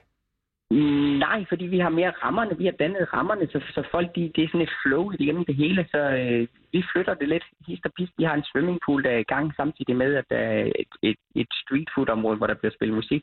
Så det er sådan, vi har, vi har små områder, eller store områder med, med mange mennesker, med små mennesker i. Det var sådan, jeg vil sige det. Mm, ja, fordi det er jo noget med, at I har aflyst øh, musikken, men der er stadig street food øh, områder, der er jo også toiletpladser, der er fadelsanlæg. Altså man står jo sådan set i kø øh, for at komme frem til, hvor enten det er toilettet eller maden, eller hvad det nu kan være. Altså, hvordan foregår det helt præcis? Nu nævnte du det her med, vagterne går ind, men altså, skal man så gå op og sige, hov, hov, nu skal I lige rykke jer, og nu trækker vi lige dig til siden, eller hvordan? Jamen, det vil de gøre, hvis det er sådan, der var, der var så mange mennesker. Men, men igen, vi har så mange faciliteter. Vi, vi har så mange bar, at det ikke er noget problem. Der er ikke nogen, der står i kø. Der, der er ikke nogen problem. Vi har en stor kiosk, hvor de kommer ind i. Jamen, der står vagter inde og sørger for, at der er maks 25 inde i, i butikken ad gangen. Så, så det, det forløber bare uden problemer. Øh, ja, vi har, vi har bare sørget for at sprede pladsen rigtig meget ud. Så, og igen, vi har heller ikke flere mennesker inde i, i de tusind her i den her uge her. Og det har vi så fint kunne følge med. Mm. Og hvad siger du egentlig til øh, kritikken om, at det er uansvarligt at afholde Skyland i år? Jeg tror, det er fordi folk ikke har været her. Øh, det er jo samme nu, at vi har haft øh, medier herude i 24 timer i døgnet, og, og, når vi snakker om bag kameraet ved dem, så siger de, at det her det er jo så fint. Og, og, og, og så er det jo sådan lidt, øh, det er jo klart, når man ikke ved, hvad, hvad, hvad det er, men man forestiller sig måske lidt, det, det er noget Roskilde, øh, og det, det ligner det også på den måde, de sviner, men, men det er jo bare lidt andre forhold, og der er ikke så mange mennesker. Så det fungerer fint op også. Og, og det, den kritik, der er derude, det var selvfølgelig det, du spurgte på, jamen den er, vi har ikke rigtig tid til at sætte sig så meget ind i det. Vi, vi, vi koncentrerer os om at, at holde det her og give Mm. max gas, og vores gæster er bare glade. Nu var jeg jo inde i jeres kommentarspor på Facebook, og der bliver der blandt andet skrevet, at arrangementet er problematisk. Der er en, der skriver, at det er tåbeligt, uansvarligt, og øh, der er en anden, der skriver, at prisen som dagens røvhold går til det her arrangement. Og så er der også en, øh, altså, ja, en der skriver, at øh, coronapest og død, dødsspredningsarrangement. Altså, når I så modtager de her kommentarer, tænker I så måske ikke, at I lige går lidt til grænsen her, eller hvordan? Jeg gætter på, at det er en gråhåret en, der har skrevet det. Altså, det er jo, det, der er jo så mange dumme ud på Facebook, det ved vi alle sammen. Og det er fuldstændig ligeglad med sådan kommentarer. Altså, hvis der er nogen, der kommer med noget konstruktiv kritik, og så siger, ved du hvad, I, i gjorde det og det, det synes vi ikke, det var fair. Men der skrives nogle ting, det er jo fuldstændig ligegyldigt at Mm. læse. Men alligevel, altså går I ikke til grænsen, når I så afholder? Vi har jo alle mulige andre festivaler, øh, store, også, øh, også mindre festivaler, lokale festivaler, markeder osv., som er blevet aflyst. Er det her ikke lidt et loophole, I lidt har fundet her, eller hvordan? Mm, Det kan du måske godt sige, men det er jo så også lidt svært, når jeg har fået et brev fra Simon Kollerup, hvor der står, I må meget gerne åbne jeres campingplads, og vi ligger på en campingplads, så er det jo sådan lidt svært, hvorfor skrive, så er det jo, så er det jo dem, der ikke har gjort deres Mm. arbejde nok ordentligt, så skulle de jo ligesom have defineret, gå rundt til den hver eneste virksomhed og sagt, I må gerne holde åben, I må ikke, unge mennesker må gå på ferie, det må gamle mennesker gerne osv. Så, så, så, så nej, det er jo dem, der har sagt OK for det, det er ikke os. Og noget, som vi har jo talt om her i coronatiden, det er det her med, at vi skal teste, teste, teste og teste. Og I opfordrer jo folk til at blive testet, når de kommer hjem. Hvad gør I for, at folk følger den opfordring? Ved du hvad, vi er faktisk lige lidt sejere end det. Vi har faktisk fået et testcenter ved os. De står herude, de mødte ind her klokken 9 i dag. Så de står og tester alle, alle vores gæster på Skyland. Så, øh, så det er vel lidt mere cool end, end at opfordre, når de først kommer hjem. Fuldstændig. Jeg tænker jo, altså der er jo et, der kommer et hold og tester besøgende i dag, og I har jo haft ja. Gang i festivalen siden søndag, hvor I klokken 00.00 natten til mandag begyndte altså med det, I kalder for en sky-ceremoni, hvor der nok var en lille smule gang i den. Altså, øh, Bjørn, er det ikke lige sent nok at teste fire dage senere, eller hvad tænker du om det? Vi er helt enige. Det var også derfor, vi har, vi har ringet til dem for 14 dage siden og og spurgt, om de kan lyst til at komme, komme herop, inden det startede. Men vi hørte ingenting fra dem. Så da der begyndte at komme lidt mediedækning på, så, uh, så kunne de godt møde op. Så øh, vi, vi, vi synes, vi har vores på det rene. Vi har haft spurgt, om de vil komme op og teste, og, og det var, var der ikke interesse i, før der var fjernsyn på. Hmm. Føler du, at du har et ansvar i forhold til, at folk bliver testet, også på den anden side af festivalen? Fordi vi ved jo, at coronavirus jo spreder sig. Det tager lige nogle dage, inden at det spreder sig i kroppen, og man kan bære det videre, og så smitte andre. Jeg ved ikke, om jeg føler et ansvar over for... Det, det, det, det gør jeg vel lidt. Altså nu, det den, i hvert fald, vi har taget det i vores, alle vores medarbejdere, der har vi skrevet til dem, at de, de alle sammen skal testes. Hvis de ikke bliver testet, så kan de ikke fortsætte med at arbejde i uge 2. Øhm, så det er jo den måde, ja, vi gør det på i hvert fald, og, og sørge for, at vi alle sammen er, er, er friske herop, hvis man kan sige det sådan. Det tror jeg nok, man kan. Og jeg vil sige ja. uh, tusind tak, fordi at du var med. Og god fest, uh, Bjørn Nikolaj Lund Pedersen. Tak, og der er stadig lidt billetter øh, herop, så I er velkommen forbi. Tusind tak skal du have. Arrangør altså af Skyland Beach Camp.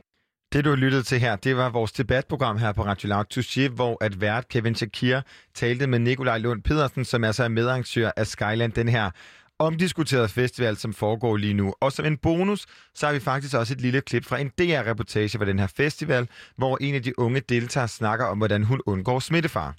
for ikke at blive? Altså, jeg har håndsmidt på, og så er jeg ikke sådan vildt tæt på folk. Men, sådan, altså, det, men det kan ikke rigtig undgås, når man sådan spiller ølbowling og sådan noget. Sådan, og sådan beerpong. Så er man jo lidt tæt sammen med folk, og man krammer lidt med alle mulige, som man ikke kender. Så det kan jo ikke rigtig undgås. Folk, man ikke kender. Og det må jeg godt sige, for jeg er selv fra Jylland. Shout out til Jylland. Men altså, Pekka, hvad tænker du? Er det holdbart? Lidt håndsprit, og man krammer ikke folk, man ikke kender? Prøv, det var jo det, jeg gjorde i fredags. Du ved, jeg lovede min kæreste, som skal besøge sin syge far, at da jeg tog til fredagsbar med Radio Loud, at jeg ikke ville kramme nogen. Men efter tre genstande, så står man der lige Så pludselig. lå vi to og rullede rundt, Det ikke? gjorde vi i hvert fald. det skal ikke handle om hverken fredagsbar eller rulle rundt, men det skal handle om den lyd, som mm. der måske kunne være lydsiden øh, til det. Det er nemlig Lord Sivas seneste udgivelse, som hedder Solværv.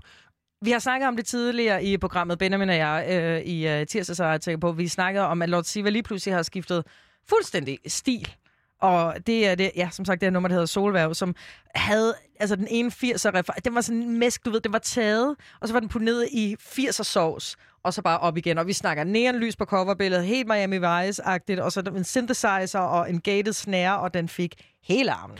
Og øh, jeg er jo tilrettelægger på det her program, og jeg skrev i manuskriptet, hvad fuck sker der på Lord Sivas nyeste single? Og det skal man til at sige højt også. Altså, øh, fordi jeg, øh, vi kender jo Lord Siva, jeg kender primært Lord Siva fra sådan hans tidligere dage i øh, Who Cares, det her Aarhus-kollektiv, men også som øh, øh, en del af det her Vera-projekt, hvor blandt andet Paris var et kæmpe, kæmpe, kæmpe, kæmpe, kæmpe nummer. Ja, det, jeg tror, den var årets hit Ja. på det, på det tidspunkt. Ja, var det 2019, var det 2018? 2018, kan jeg ikke huske det. Ikke desto mindre kæmpe hit, hvis du ikke kender sig ind og lytte til det. Men du vil så ligesom også ret hurtigt opdage, at der er ret langt fra øh, Lord Sivas tidligere sådan, kartotek og musik til det her solværv. Og øh, det var jo så indtil vi opdagede, at øh, hemmeligheden bag det her nye lyd er, at det er et remake af en sang af samme navn, Ja, det er simpelthen et cover. som øh, sidste år blev udgivet af dem, som hedder Humørekspressen, som blandt andet er øh, Klumpen, Chapper, Farfar og Peter Lytzen. Bam. Bam! Altså, Chapper kender jeg blandt andet fra Børnetv, og Klumpen kender jeg fra Faxe Kondi. Og farfar kender man fra... Øh, Kigger på fugle. Kigger på fugle, der var den. Hvorfor ikke? Og øh, Lord Siva er nemlig fan af den her gruppe, og simpelthen for, blev forelsket i øh, Solværv, da han hørte den i, øh, i klumpens lejlighed. Hvorefter han så har simpelthen lavet sin egen version i samarbejde med Humørekspressen. Og vores kære Benjamin Clemens, som er øh, nogle gange været med mig, og nogle gange været med dig, Christian, øh, hyggeligt. på det her program. Han, øh, han har simpelthen øh, lavet et mashup af Solværv fra Humørekspressen og Solværv fra Lord Siva. Og øh, så er det måske op, lige op til dig, kære lytter. Vi var igennem den samme challenge tidligere i dag. Men hvis du sidder derude og tænker, jeg kan da godt kende forskel på de her to numre, prøv, så, så prøv at se, om du kan. Nu skal vi lige høre et klip derfra.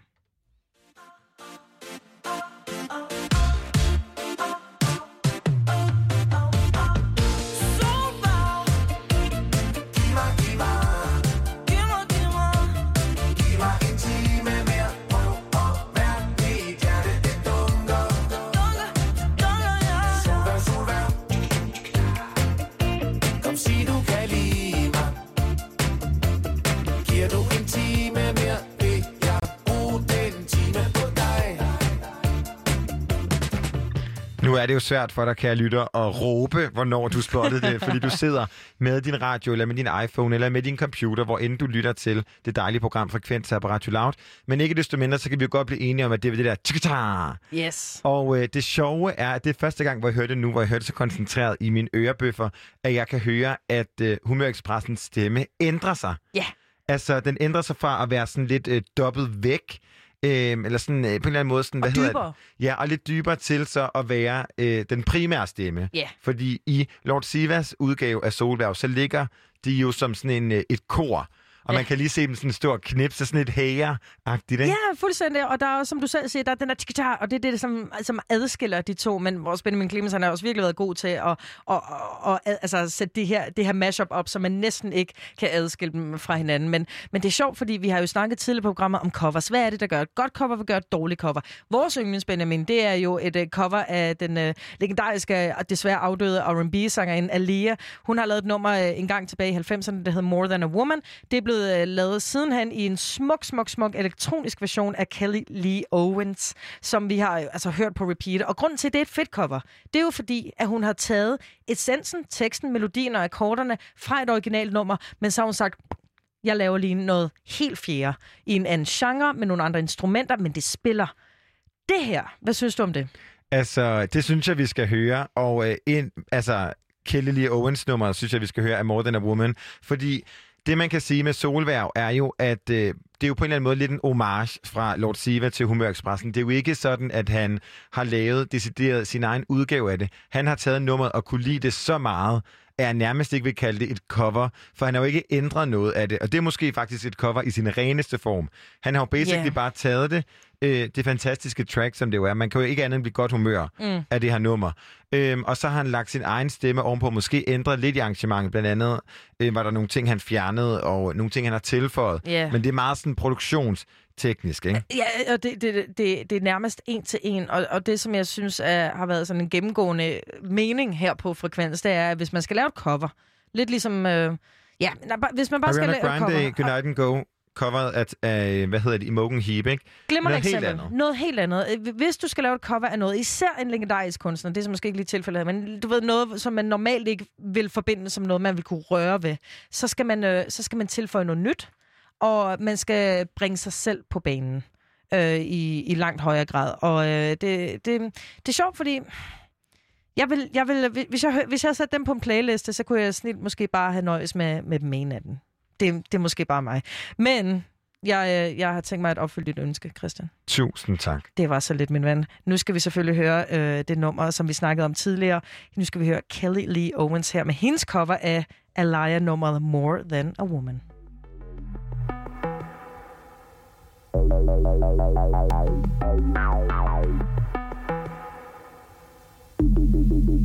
you.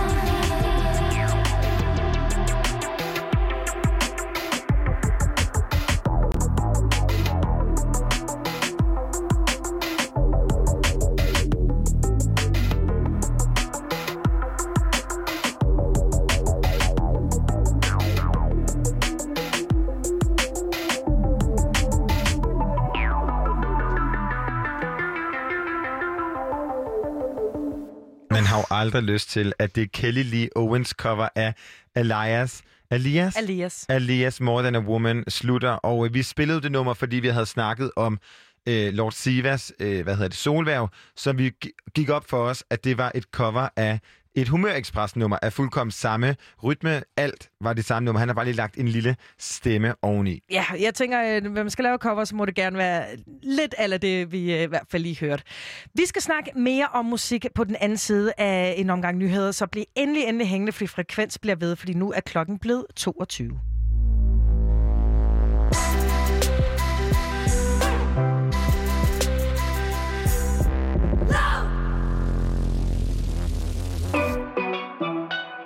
De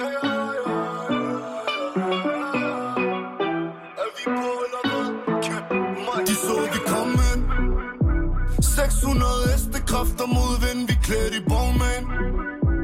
VVS sten så fuck os de penge. Min bror det bare penge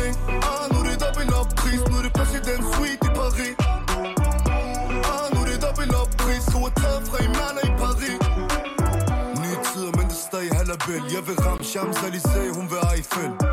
Fra Brabus i farven Bordeaux Så vi triller lige forbi en bror ned i Marseille. Tre biler rejser ned eller krydser Kick down, man skulle tro det var Formel 1 Der er altid hygge mygge på menuen Så vi alle er mæt. Bon appetit, og vi kommer ind. 600 hestekræfter mod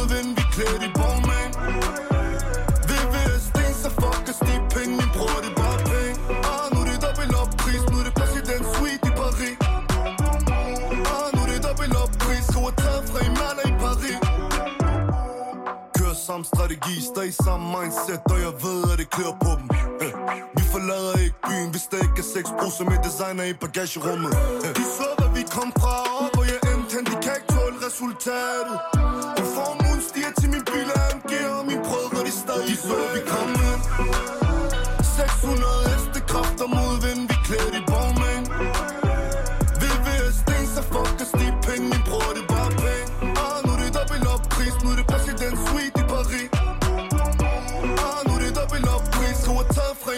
Paris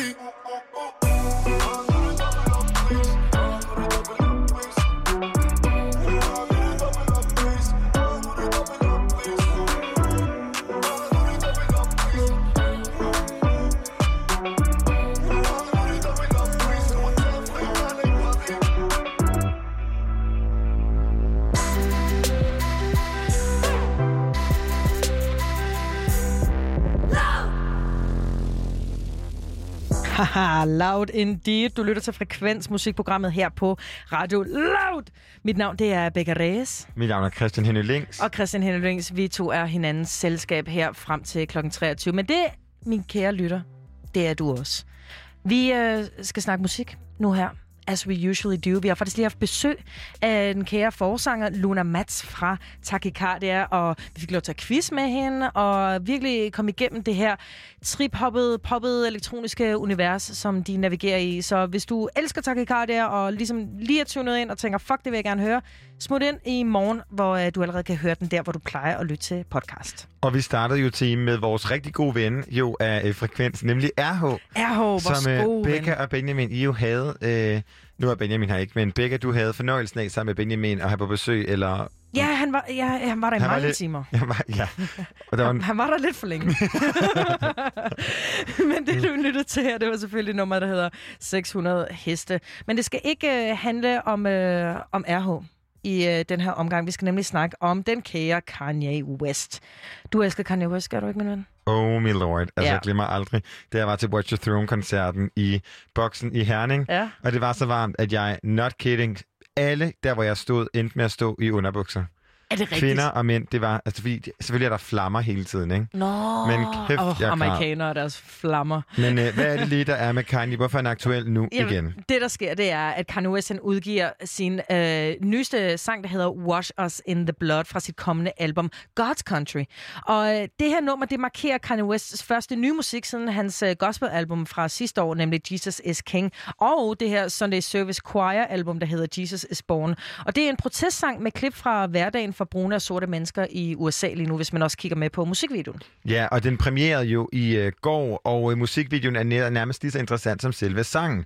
Fordi den består af en masse vilkårlige klip af protest og demonstrationer fra den seneste tid i USA, og øh, har også uddrag af sådan at danse og mennesker, der i høj grad illustrerer den her sorte amerikanske kultur, og desværre også nogle af de sociale problemer, som der er med kirke, fængsler, vold, øh, i, i det land, som øh, jo han er bosat i lige nu, ikke? Ja, præcis. Og, og 2020 har været et klassisk sådan, genfødt Kanye West år, øh, om man vil. Øh, fordi han har jo holdt de her Sunday services i allerhøjeste grad. Hvis man ikke ved, hvad det er, så er det, når øh, han tager et øh, fuldt band med, jeg har lyst til at sige 50 mennesker, og det er kor, og det er band, det er alle mulige mennesker, og de er klædt i hvidt, og de stiller sig på en bakke et sted i Kalifornien, og, og har det gospel, og det lyder Amen. fantastisk. Og du ved, de her Sunday Services har jo øh, her de seneste år lavet både hyldes til Kobe Bryant, og de har, han har også teaset en ny tegneserie af Makashi Murakami, hvor han, ham og Kid Cudi ligesom lægger stemme til, og så har han afholdt et modeshow i Paris med hans datter North. Altså, der er knald på Kanye West-vognen for tiden. Ja, og som om der ikke var knald nok på, så har han også lige underskrevet sidste uge en kontrakt med den amerikanske udgave af H&M,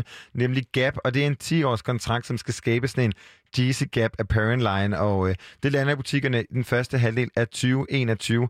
Og øh, det er jo simpelthen noget, der er grineren ved det her, som vi også skal snakke om på den anden side af Washes in the Blood, er det her med, samtidig med, at han både laver Jesus is King, mm. prædiker øh, for alle øh, kristne øh, mennesker verden over, så øh, laver han også lige en 10-år business deal, skubber et øh, ungt, brunt mærke ud Telfar ud af deres aftale med Gap, og Wow. Ja, øh, den sang, som North sang til det modeshow i Paris, det var en sang, hun bare har fundet på TikTok af en asiatisk pige, der står og synger den. Altså, det er Kanye med Kanye på, og så Ja, tilføjer lidt Chris Jenner-penge, ikke? 100% er Chris Jenner penge, men, der Men, er, øh, den, får ikke flere. Og det er også Kanye First. Altid øh, Kanye ideen. først, ikke? Ja. Men samtidig så har han også lige, øh, ham og hele familien har også lige været model for et, øh, et mærke, som hedder Mova Ola, øh, som jeg helt sikkert udtaler forkert, men som også er et, øh, et mærke, som er styret af brune og sorte mennesker. Og hende har han så trukket med ind, designeren der, ind i Gap. Så han øh, prøver altid, som han gør klassisk, roder lidt og rydder lidt op, ikke? Ja, Men skal det vi snakke om det? nok. Lad os snakke om det på den anden side af Kanye's Wash Us in the Blood. A roaring lion walketh about seeking whom he may devour. Run it, just me up. Back to the boom, way on some boom.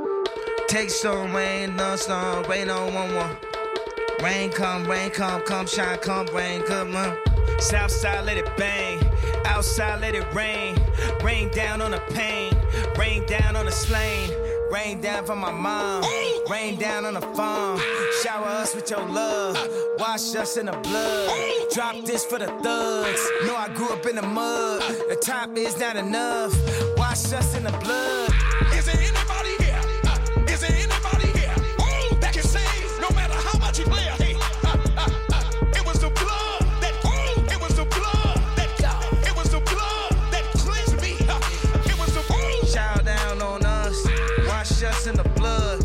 Wash us in the blood.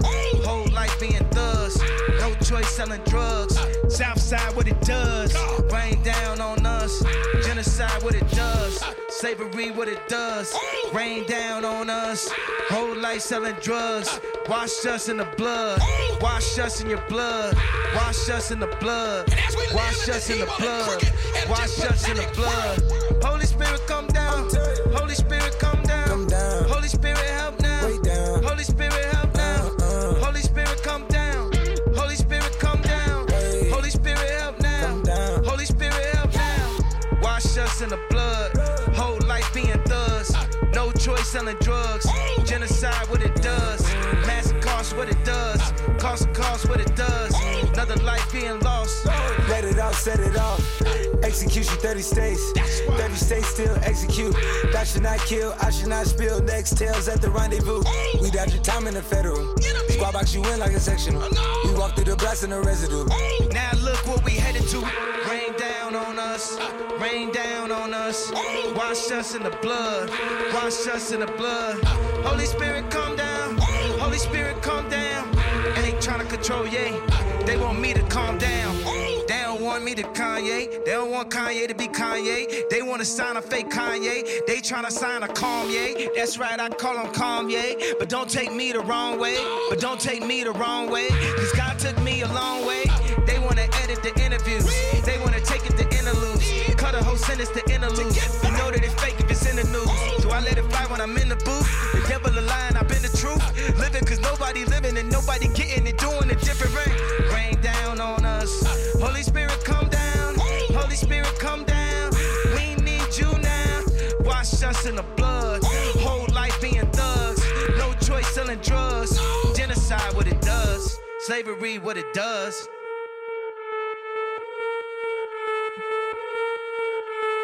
Watchers in the Blood her med Kanye West og med selskab af Travis Scott. Christian, jeg har et spørgsmål til dig.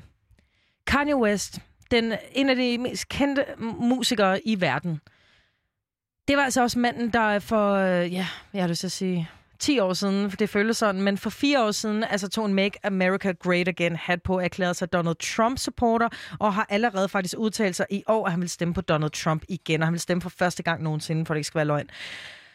Nu har han lavet det her nummer, der hedder Washers in the Blood, og den handler jo om, om ting, som er lidt svært at skære ud i pap, fordi det trods alt er Kanye. Men hvis du ser musikvideoen, så er det altså med en masse clips af demonstrationer mod politiet, men også ting, som man erklærer meget, meget karakteristiske for afroamerikansk kultur. Og der vil jeg bare lige høre dig. Hvad synes du, når du ser det her som... Hvilket egentlig synes er unfair, fordi det bliver kategoriseret som en venstreorienteret ideologi, at, at, at, at synes, at Black Lives Matter, men, men det er det jo ikke. Det er jo egentlig stadig en apolitisk ting, fordi det gør de. Det er en human rights ting. Men ikke desto mindre, det er blevet en venstreorienteret ting at sympatisere med den her bevægelse.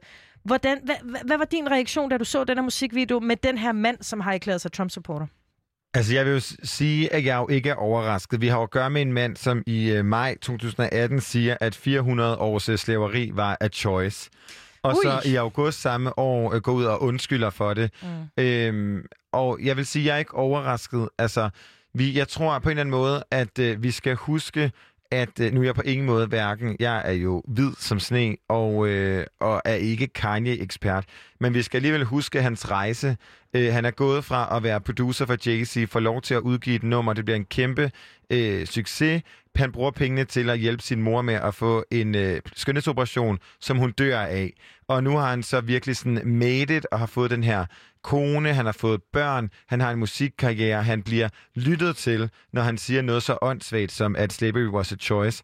Øhm, så jeg vil sige, at jeg er ikke overrasket, og jeg tror også, Er at... det fordi, han er 200 km i timen hele tiden? Ja, altså han har jo også sagt, at han er bipolar, øh, og det, jeg ved ikke, om det er en diagnose, som, der har jeg ikke researchet godt nok, jeg ved ikke, om det er en diagnose, der er diagnostiseret, øh, men det går jeg ud fra, at den er, når han selv erklærer det. Men, øh, og jeg tror måske på en eller anden måde, at det undskylder ham for mig, at jeg Okay. øh, vælger ligesom at tage det med, som jeg kan bruge til noget.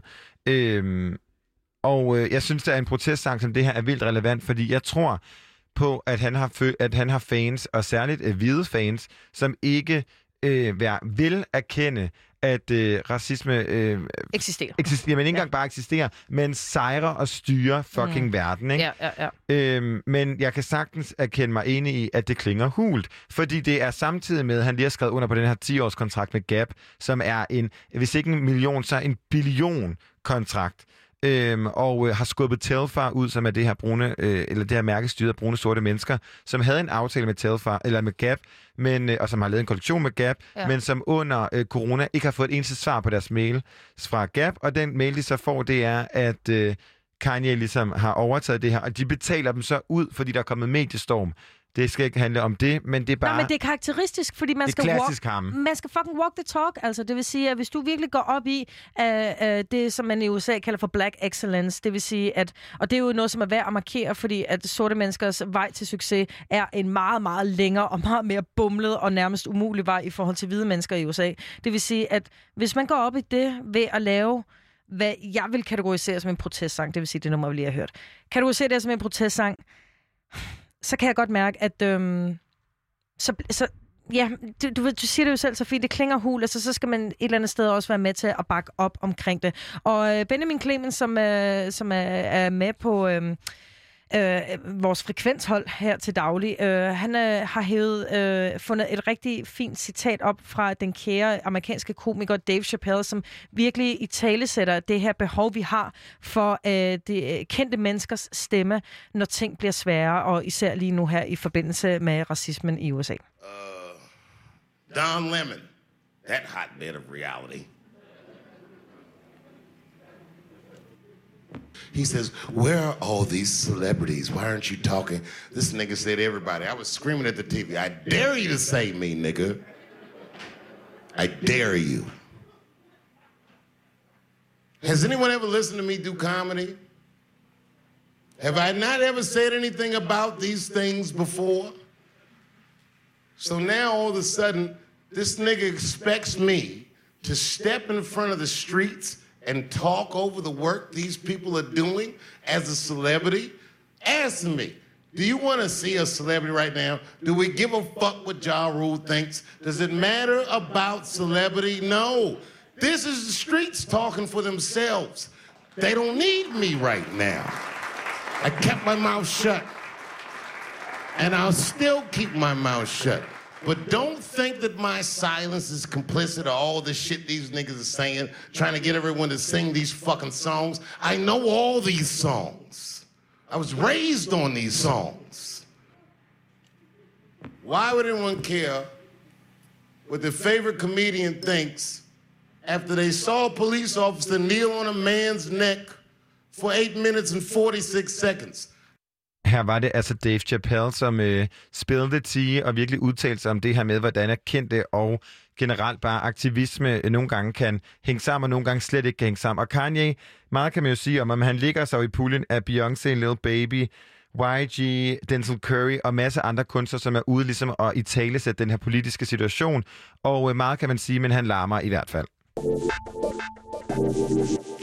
I går var en helt, helt, helt særlig dag. Ikke bare på frekvens, men helt på Radio Lav, fordi det var vores første live session. Og vi fik besøg af den kære og spirende danske rapper Sulka, som vi fik lov til at interviewe, efter at hun var så venlig at spille seks numre for os i går i Grape House Studios på Vesterbro. Og det skal vi lige høre for, hvordan det lød. Og vi har fået øh, Nina, som er øh, Sulka-fan, hvis man kan, ja, kan det sige tror det sådan jeg lidt, roligt, med i øh, ja, studiet. Og øh, jamen, hej til dig, Nina. Hej. Hej. Har du noget, du vil sige til Sulka i forhold til, til koncerten? Var, er, du, er du stoked? Var det fedt? Det var så fedt. Altså, også fedt at opleve det live. Øhm, nu har jeg bare hørt øh, albummet om og om igen, og så se det. Det var virkelig fedt. Ja, for Nina, du, øh, du er her jo øh, ikke bare fordi du lige var i, i området. Det er jo fordi også, at du er stor Sulka-fan, og Sulka lærer dig at kende, fordi at du har lavet et cover for en af hendes numre. Kan du fortælle lidt om, at, øh, om det nummer, du, du har lavet et cover af? Øh, ja, jeg lavede et, kom- et covernummer af Frikvarter, det første nummer, som Sulka udgav. Og øhm, det var bare fordi, at jeg var til... Øh, ja, jeg så en, an- altså jeg var med live, øhm, også der, hvor at de var...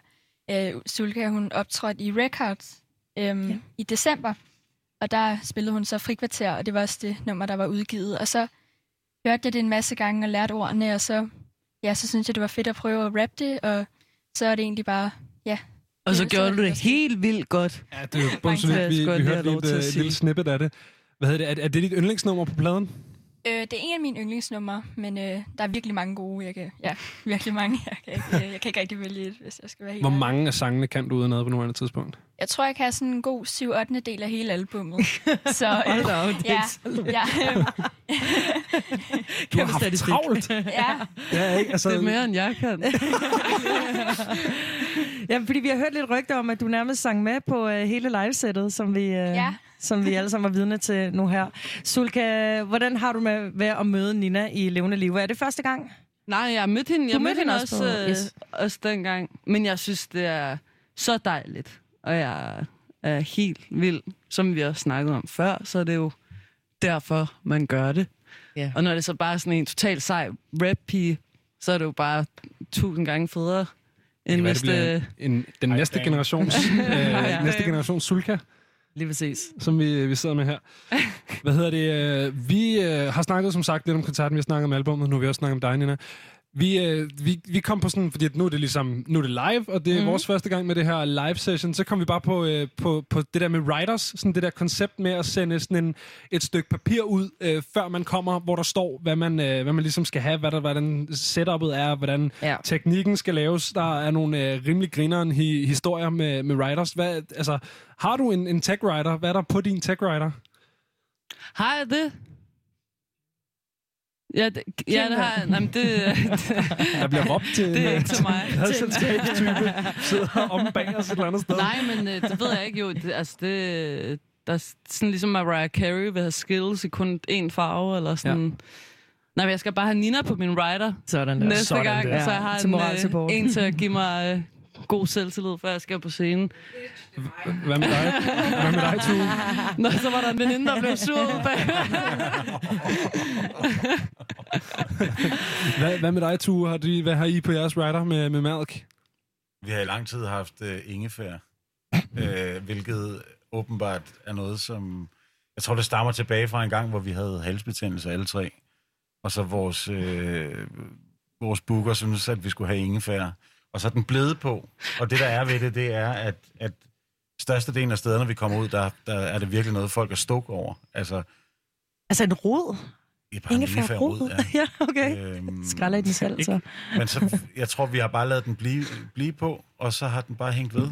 Ja. Øhm, I gamle dage var det nok lidt sjovere. Vi havde en gammel booker, der hed Bum Bum, og han skrev altid 5 gram øh, standard rygeren på. Mm. Fordi så vidste han, når man, når man, dengang der faxede man ligesom en, en rider ud til spillestedet. Det, det er jo way back, det her. Og øh, så tækkede de ligesom af de ting, der ville være, og den var ligesom altid streget ud, og så vidste han, at de havde læst den. Der lå aldrig 5 gram rygeren. det skete ikke. Fair nok. Det synes også, der er noget i ikke at requeste sådan en god rygeren, eller sådan, nej, nej, bare standard rygeren. Ja, det skal ikke være for godt. Jeg skal ikke hygge mig for meget. Det er helt okay. Det behøver ikke være højrøvet, det her. Nå, griner nok. Hvad med dig, Nina? Hvad, Ja. Hvis du øh, skulle ud og spille en koncert lige, øh, lige om lidt, det kan være, det var en Sulka coverkoncert, det kan være, du øh, brugte nogle af den, den der Opvarmning. produktivitet, du, øh, du, du besidder til at, til at skrive noget selv. Hvad, hvad havde du så på din tech writer? Hvad er en tech writer? Det er det der, man, det er som sagt ligesom et stykke papir, man sender ud, før man tager hen og spiller en koncert, hvor der står, hvad man skal bruge. og Skal hvad, du have vand? Hvad skal, Skal du der have ligge mad? om Skal du backstage? have- ja. Okay. Håndklæde. Ingefær, for eksempel. Eller ja. håndklæde. Eller... Ja, okay.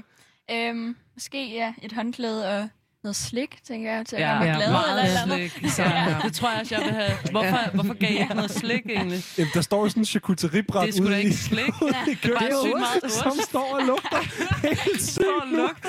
Sygt meget stakkels dyr, der bare blevet slagtet uden grund. Det var ikke mig, der købte den, vil jeg have lov til at sige. Ej, det var super lækkert. Undskyld. Bare, det var vildt lækkert. Ja, der står et uh, charcuteriebræt ude i køkkenet og har Det set bedre, bedre dage. Jeg tror, det var lidt mere hektisk, end, uh, end det var charcuteristemningen. ja. Hvad hedder det? Uh, nu tænker jeg, nu har du ligesom været i gamet i nogle år, tu. Udover at I har haft uh, ingefær på, har du, du må sgu da kunne nogle, nogle grineren sådan writer-historier. Mm. Ja, men jeg kan ikke rigtig huske. Jeg kan ikke rigtig huske. Så er det gode historier. Hvad, hvad det er, folk har... Øh, øh, jeg, jeg, altså, jeg, jeg synes bare ofte, at folk... Hvis jeg for eksempel bare ud skal spille DJ-sæt, så øh, sender min booker nogle gange bare Malks Rider. Øh, Så ingefær. Og jeg skal, jo bare spille, jeg skal jo bare spille DJ-job, og så skal der jo ikke stå alle de der ting der. Jeg ved det ikke, jeg har... pff, Det, det, det, er ikke så... Det er selvfølgelig vigtigt. Det vigtigste er ligesom, at man får noget god mad, når man har siddet i en turbus eller et eller andet hele dagen, og man kommer frem. Og at man så ikke får de der øh, pizzaer med ananas, øh, øh, shawarma, bacon, øh, salat. Øh, altså alt, hvad der ligesom kan ligge på en pizza. Det er Sidder du ikke bare og dækker over, at du har sådan en halvanden meter lang rider, hvor der står alt muligt det- mærkeligt. ja, det gør. Fugtighedscreme, og jeg ved ikke hvad. Nej. Let's be real. Det, det er det, der ligger i min taske. det, har jeg, det har jeg selv klaret. Men øh, nej, jeg, jeg ved det ikke. Rider, nej. Ikke... øhm, Jeg har Men man har- forbinder det også lidt med amerikanerfænomen, ja. ikke også? Du ved, de helt store kanoner, som Ja. lige pludselig skal, om jeg skal have 11 grader i rummet, men når jeg går på toilettet, skal det være 20 grader. Altså sådan nogle vanvittige ting, hvor man skal ligesom pille ved infrastrukturen. Eller øh, Beyoncés famøse, alle toiletbræt skal udskiftes, hver gang hun går ind et sted. Åh, seriøst? Og Prince, han skulle bæres rundt.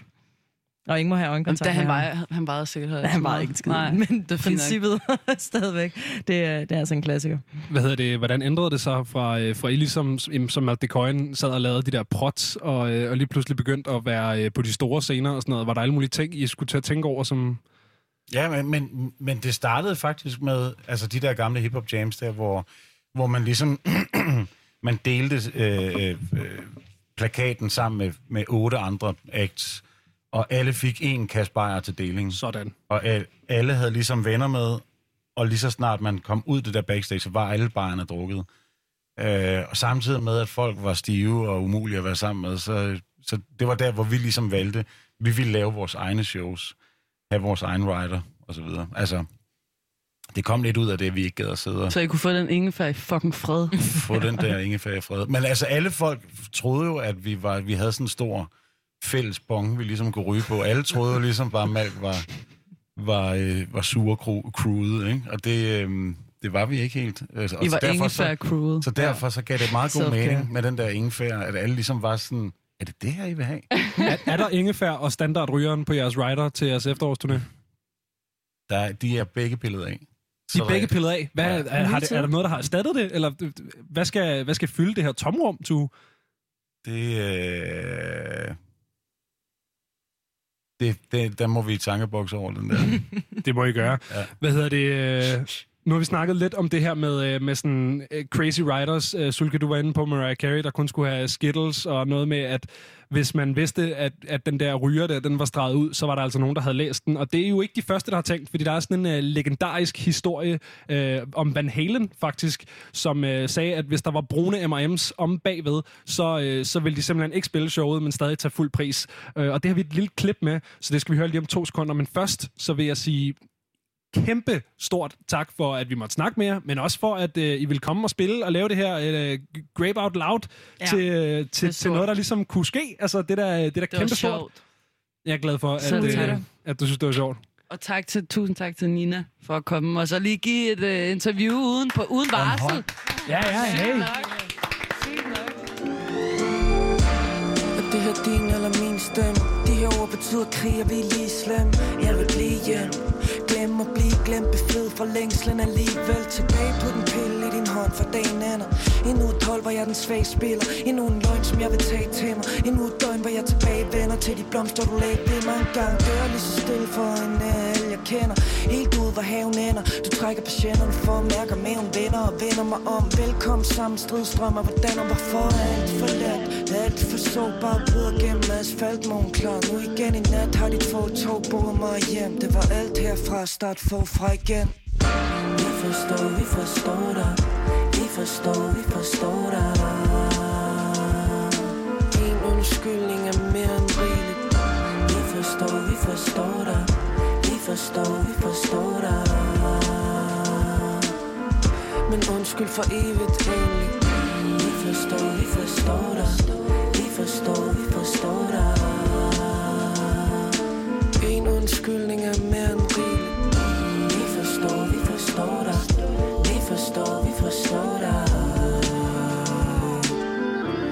Undskyld for evigt kan ikke sige mig med blikket der bind for. Nu er det min tur til at være indenfor Byg det liv jeg forhindrer dig i. For hver dag dit smil bliver mindre og mindre. Hjælp dig selv, find dig før du tid der vælter. Please før det bliver vinter, jeg elsker dig. Bevis det, hvad mener du selv Der bliver siddende som sidst, jeg nægter farvel så Min skyldfølelse, sindssyg følelse. Ingen bedøvelse, ingen kunne løse det. Alt jeg er af håb. Og alt jeg kan gøre er at vente på din hængelås åbner. Tåbeligt du håner mig. Vi begge to under forslået Solen og månen. Findes der med nogen der kan tåle det? Personlige er typen der har brug for at gå nu. Åben lov Åben lov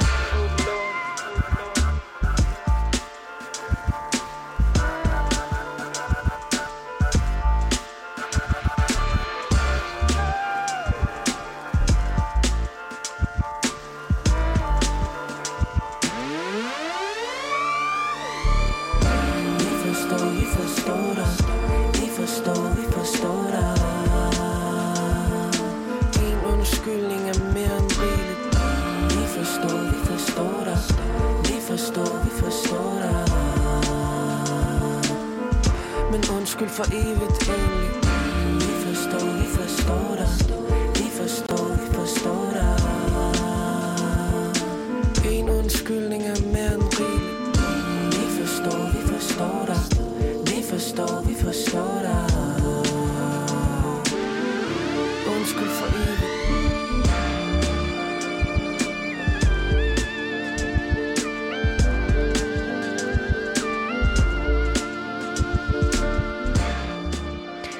Det, du lytter til her, det er Sulka sammen med Two Track i det nummer, der hedder Undskyld for evigt. Og Vi havde den kæmpe fornøjelse af at have Sulka til at spille live på det koncept, vi har lavet sammen med Grape House Studios og Plugout Festival, der hedder Grape Out Live øh, på Vesterbro i går. Og hvis du har lyst til at lytte til mere af det, så kan du lytte øh, til det allerede nu, der hvor du finder dine podcasts.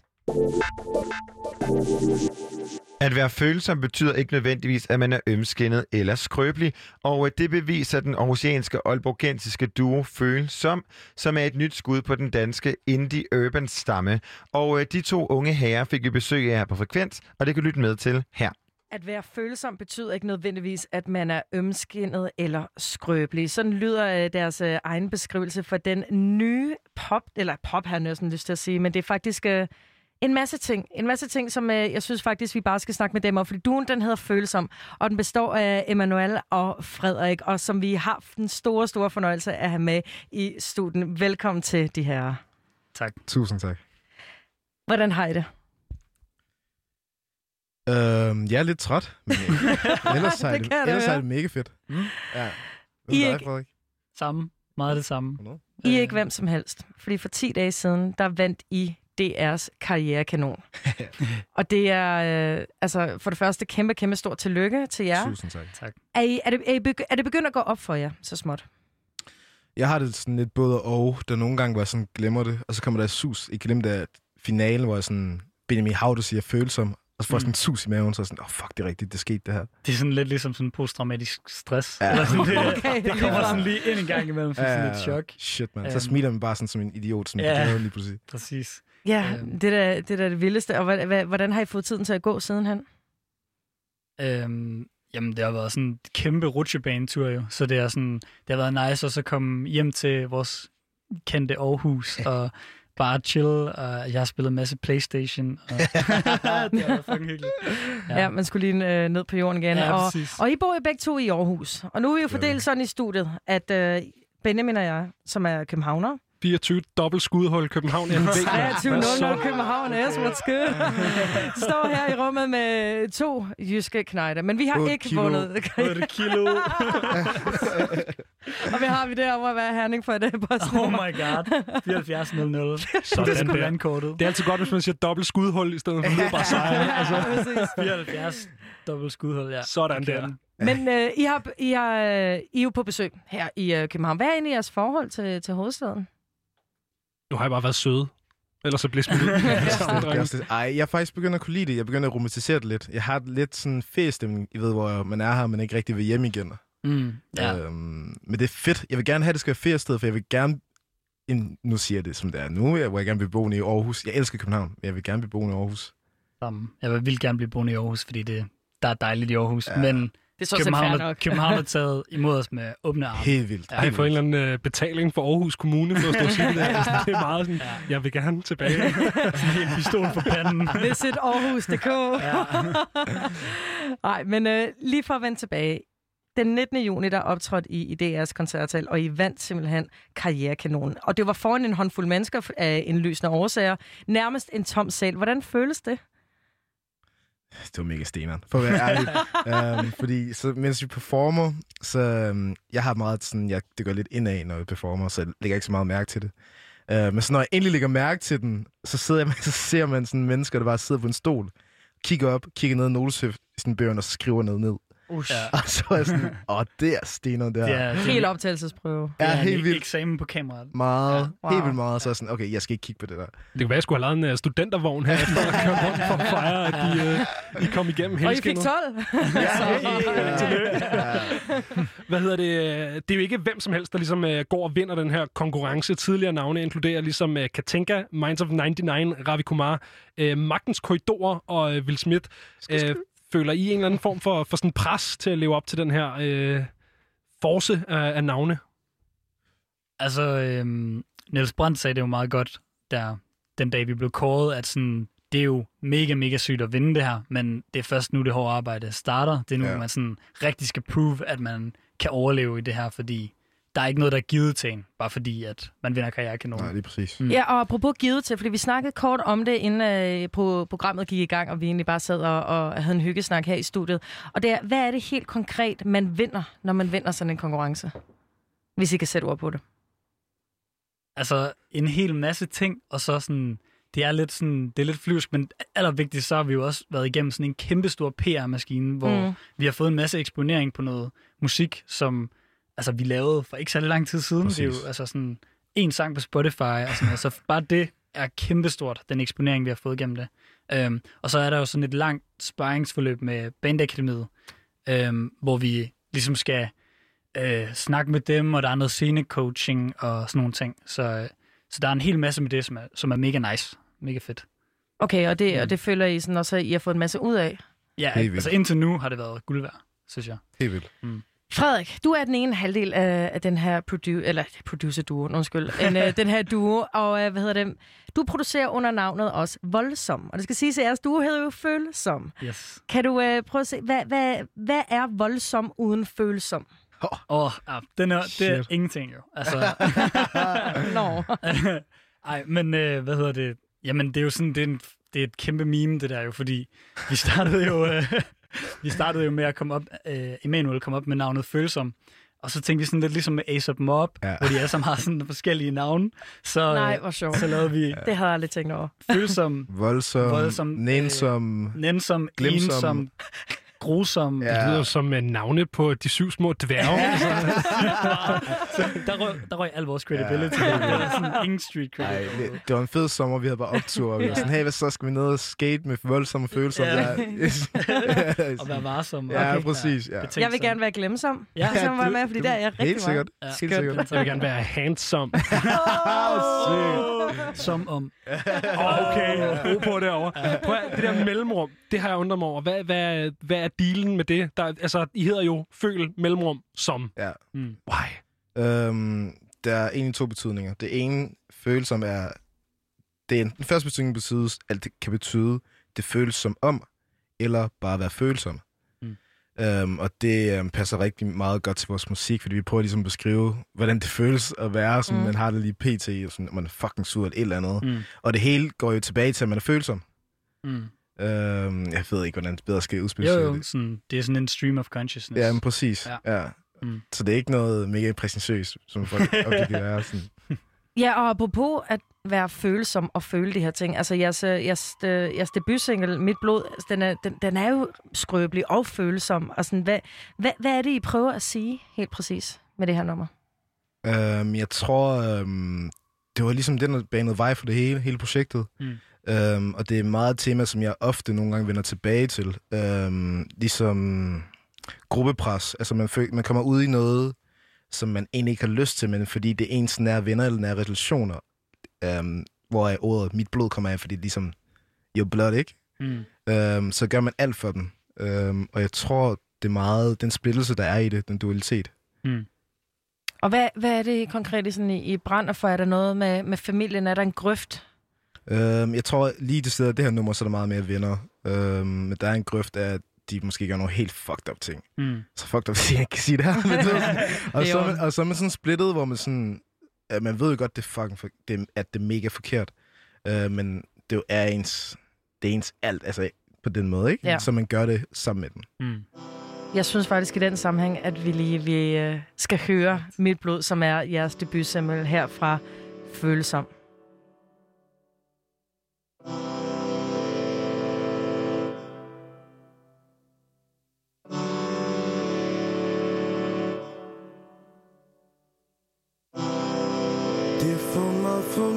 At bære Svært at vise dem, hvem jeg er. Når det sker gennem mit bære.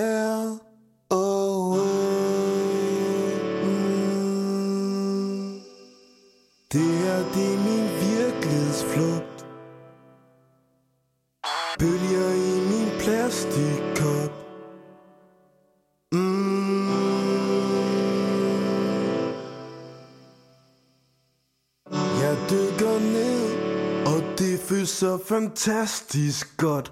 Jeg dykker ned, hvornår vi det er vanvid stop. Jeg dykker ned, og det føles så fantastisk godt. Jeg dykker ned, dykker ned.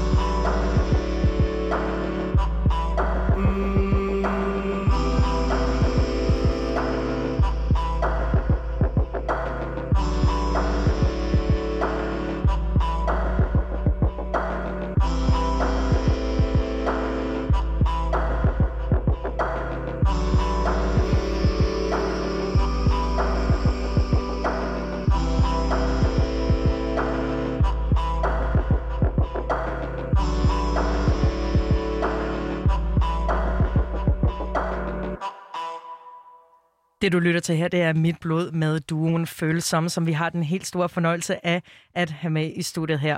Og Følsom, det er, det er to uh, herrer fra Jylland, som uh, står her og hedder henholdsvis Emanuel og Frederik. Velkommen til. Tusind, tusind tak. Endnu en gang. Nu, uh, nu har vi lige hørt det her nummer Mit Blod, som er, som er jeres debutsingle. Og når jeg hører det, den her vocoder, som, uh, som den startede og sluttede med, så tænker jeg, Kanye West's My Beautiful Dark Twisted Fantasy. Er det noget, som er kørt lidt i baggrunden, da det her nummer blev lavet? Um, det, det er rigtigt, Ka- Kanye West kørte i baggrunden, men det, der faktisk kørte i baggrunden, det var fra Kanye West 808's and Heartbreak. Okay, alright. Øhm, så, Og øh, man kan faktisk høre den der... Um, der hvad er det for en sang, den kommer fra? Det har jeg helt glemt. Men um, jeg tror, Mm. det er der, den bliver inspireret af. okay. Det startede. Altså et sample, eller er det noget, I Et sample. Okay, Ja, som en er lyd, eller en lyd, der, der er nærmest er identisk med den der mm. den sang med Kanye West. Okay, og det er en, øh, en inspirationskilde for jer? Um, kæmpe, kæmpe. Mit største. Jeg ved ikke med, dig. Kanye? Ja. Måske ikke min største, Ja. men nu altså, skal det måske også siges, at den her sang blev lavet sammen med en producer, der hedder William Gerdes. Skud. Skud til William Mm. mm. Gerdes, og jeg er sikker på, at han har hørt rigtig meget øh, Kanye West Ja. også. Så der er helt sikkert også noget der. Øh, ja, men øh, jo, Kanye West er kæmpe konge. Altså. Mm. Hvad hedder det? øh, Nu snakkede vi jo lige lidt om, øh, før vi spillede det, at det her track, det jo handler om at være splittet mellem, mellem ens øh, nære relationer her, ens, ens blod, og, og det, man virkelig brænder for. Hvad er det, I, øh, I brænder for, som, som jeres øh, venner? Er det så ikke øh, være med på, eller omvendt? Kan I komme lidt ind på det? Kan du sætte det? øhm, altså, for, for mig, så er det meget den der med altså, også at være splittet mellem, ligesom, altså sådan, man har ikke så meget tid. Altså sådan, der er så mange ting, man skal, og når man sådan prøver at gøre det som musiker og klare det som musiker, så er der bare rigtig, rigtig mange ting, som der hele tiden trækker et helt andet liv, man skal leve, og så er man ligesom spændt op imellem det, og så ens venner og ens familie og ens øh, liv på den måde, ikke? Altså, så det er sådan, øhm, for mig der er det også rigtig meget den der, sådan at være spændt ud imellem to ting, øhm, og ikke rigtig vide, hvor man, hvad, hvor man skal vælge, altså hvad man skal vælge nogle gange. 100 procent. Mm. Også fordi vi er de der drenge, som vi er. Vi minder meget om hinanden på nogle punkter, hvor vi sådan, Hvordan gør jeg det? vi pleaser os. Mm. Ah, Ja. Og det er både godt og dårligt, men sådan, måske vi sætter vores eget behov efter sådan, de Ofte andre. i hvert fald. Eller Ja. så prøver man i hvert fald at imødekomme alle på én gang, og så ender det med, at man har smurt sig selv for tyndt. Ja, præcis. Hvad hedder det? Nu er du jo produceren på det her, Frederik. Øhm, hvor meget er du inde over sådan, øh, sangskrivningen, og, og hvor meget kan du relatere, altså hvor meget kan du ligesom føle, at teksten også er, er dit narrativ? Giver det mening? Det ja, spørgsmål? 100 procent. Øhm, det, er, det er en vildt sådan, flydende proces. Altså, Emanuel er 100 procent den, som sådan, ligger, ligger fundamentet ned til teksten og, og ligesom skriver nogle ting. Og så er det tit, at han kommer ind og har lagt et eller andet, øh, en demo eller sådan noget, hvor at jeg ligesom kan høre det, og så sådan, om det her resonerer også sygt meget med mig. Øh, lad os prøve måske at lægge noget melodi til det, og så sådan, det er sådan en meget flydende proces. Nogle gange så er det et beat, der kommer først, og nogle gange er det en vokal eller et, en tekst, der kommer først. Mm. Så det er meget, meget forskelligt. Og er det her nummer epitomien af, af følsom, vil jeg sige. Altså kan man sige, det her følsomme, eksperimenterende projekt, der sætter lyd på de inderste tanker. Vil I sige, at, øh, at mit blod indkapsler det øh, på en måde, som, som I er stolte af og kan stå inden for? Um, ja, helt vildt. Altså nu er det også... Det er jo et gammelt nummer for os, så vi har lavet sindssygt mange efter, der indkapsler det meget mere. Vi kommer, vi kommer meget mere tættere på den lyd, vi ligesom har i hovedet, Mm. føler jeg. Det bliver meget mere perfektioneret. Mm, men den er også konstant skiftende og hele tiden i udvikling, så det Helt vil, vildt.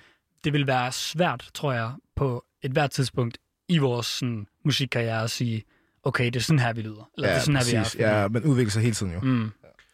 Ja. Apropos udvikling, øh, så kommer du jo, Emanuel, fra en fortid med hiphopgruppen øh, Stigma. Hvad, hvad skete der med det? Puh, øh, jeg kommer fra Stigma, som... Øh, det, er- det er min skole. Altså, det har været min skole for hiphop. Fuldstændig. Jeg, jeg rappede sindssygt meget af Stigma. Det var tunge bars, rigtig mange ord, øh, rigtig mange budskaber. Det var super fedt. Øh, men set i bagspejlet, så er følelsen nok meget mere mig, end Stigma nogensinde var. Har du taget noget med fra Stigma, som man kan høre i Følsom? Um, ja, ja, ja. Um, jeg tror, rimstrukturen nogle gange, um, og de tunge budskaber, nu er det bare lidt mere lette. Mm. Uh, lidt mere let, lettere at suge til sig, end det var før. Um, det vil jeg sige. Mm. 100. Man kan helt sikkert høre, at sådan, du har taget en masse af den der sådan, hårde hip-hop-attitude med ind i det også. Ja. Og det er også et mega fedt, sådan en mega fed øh, kontrast til det, vi så laver nu, som sådan er, er mega blødt, eller sådan følsomt. Ja, ja. ja. Buzzwordet. Hvad hedder det? Hvad, hvad, hvad var det for en, en konstellation? Hvad, hvad var Stigma? Hvor blev det lavet? Og... Stigma opstod i Nordjylland. Jeg kommer oprindeligt fra Brønderslev, 2700. Ja, tak, Blub. øhm, men der mødte jeg en dude, der hedder Rune Mørk, øhm, som kom på Vrå. Og vi startede ligesom det her, hvor jeg, jeg, var, jeg var lige begyndt... Jeg havde lige set Ung Blod, hvad ikke det, det hed, med ukendte kunstnere.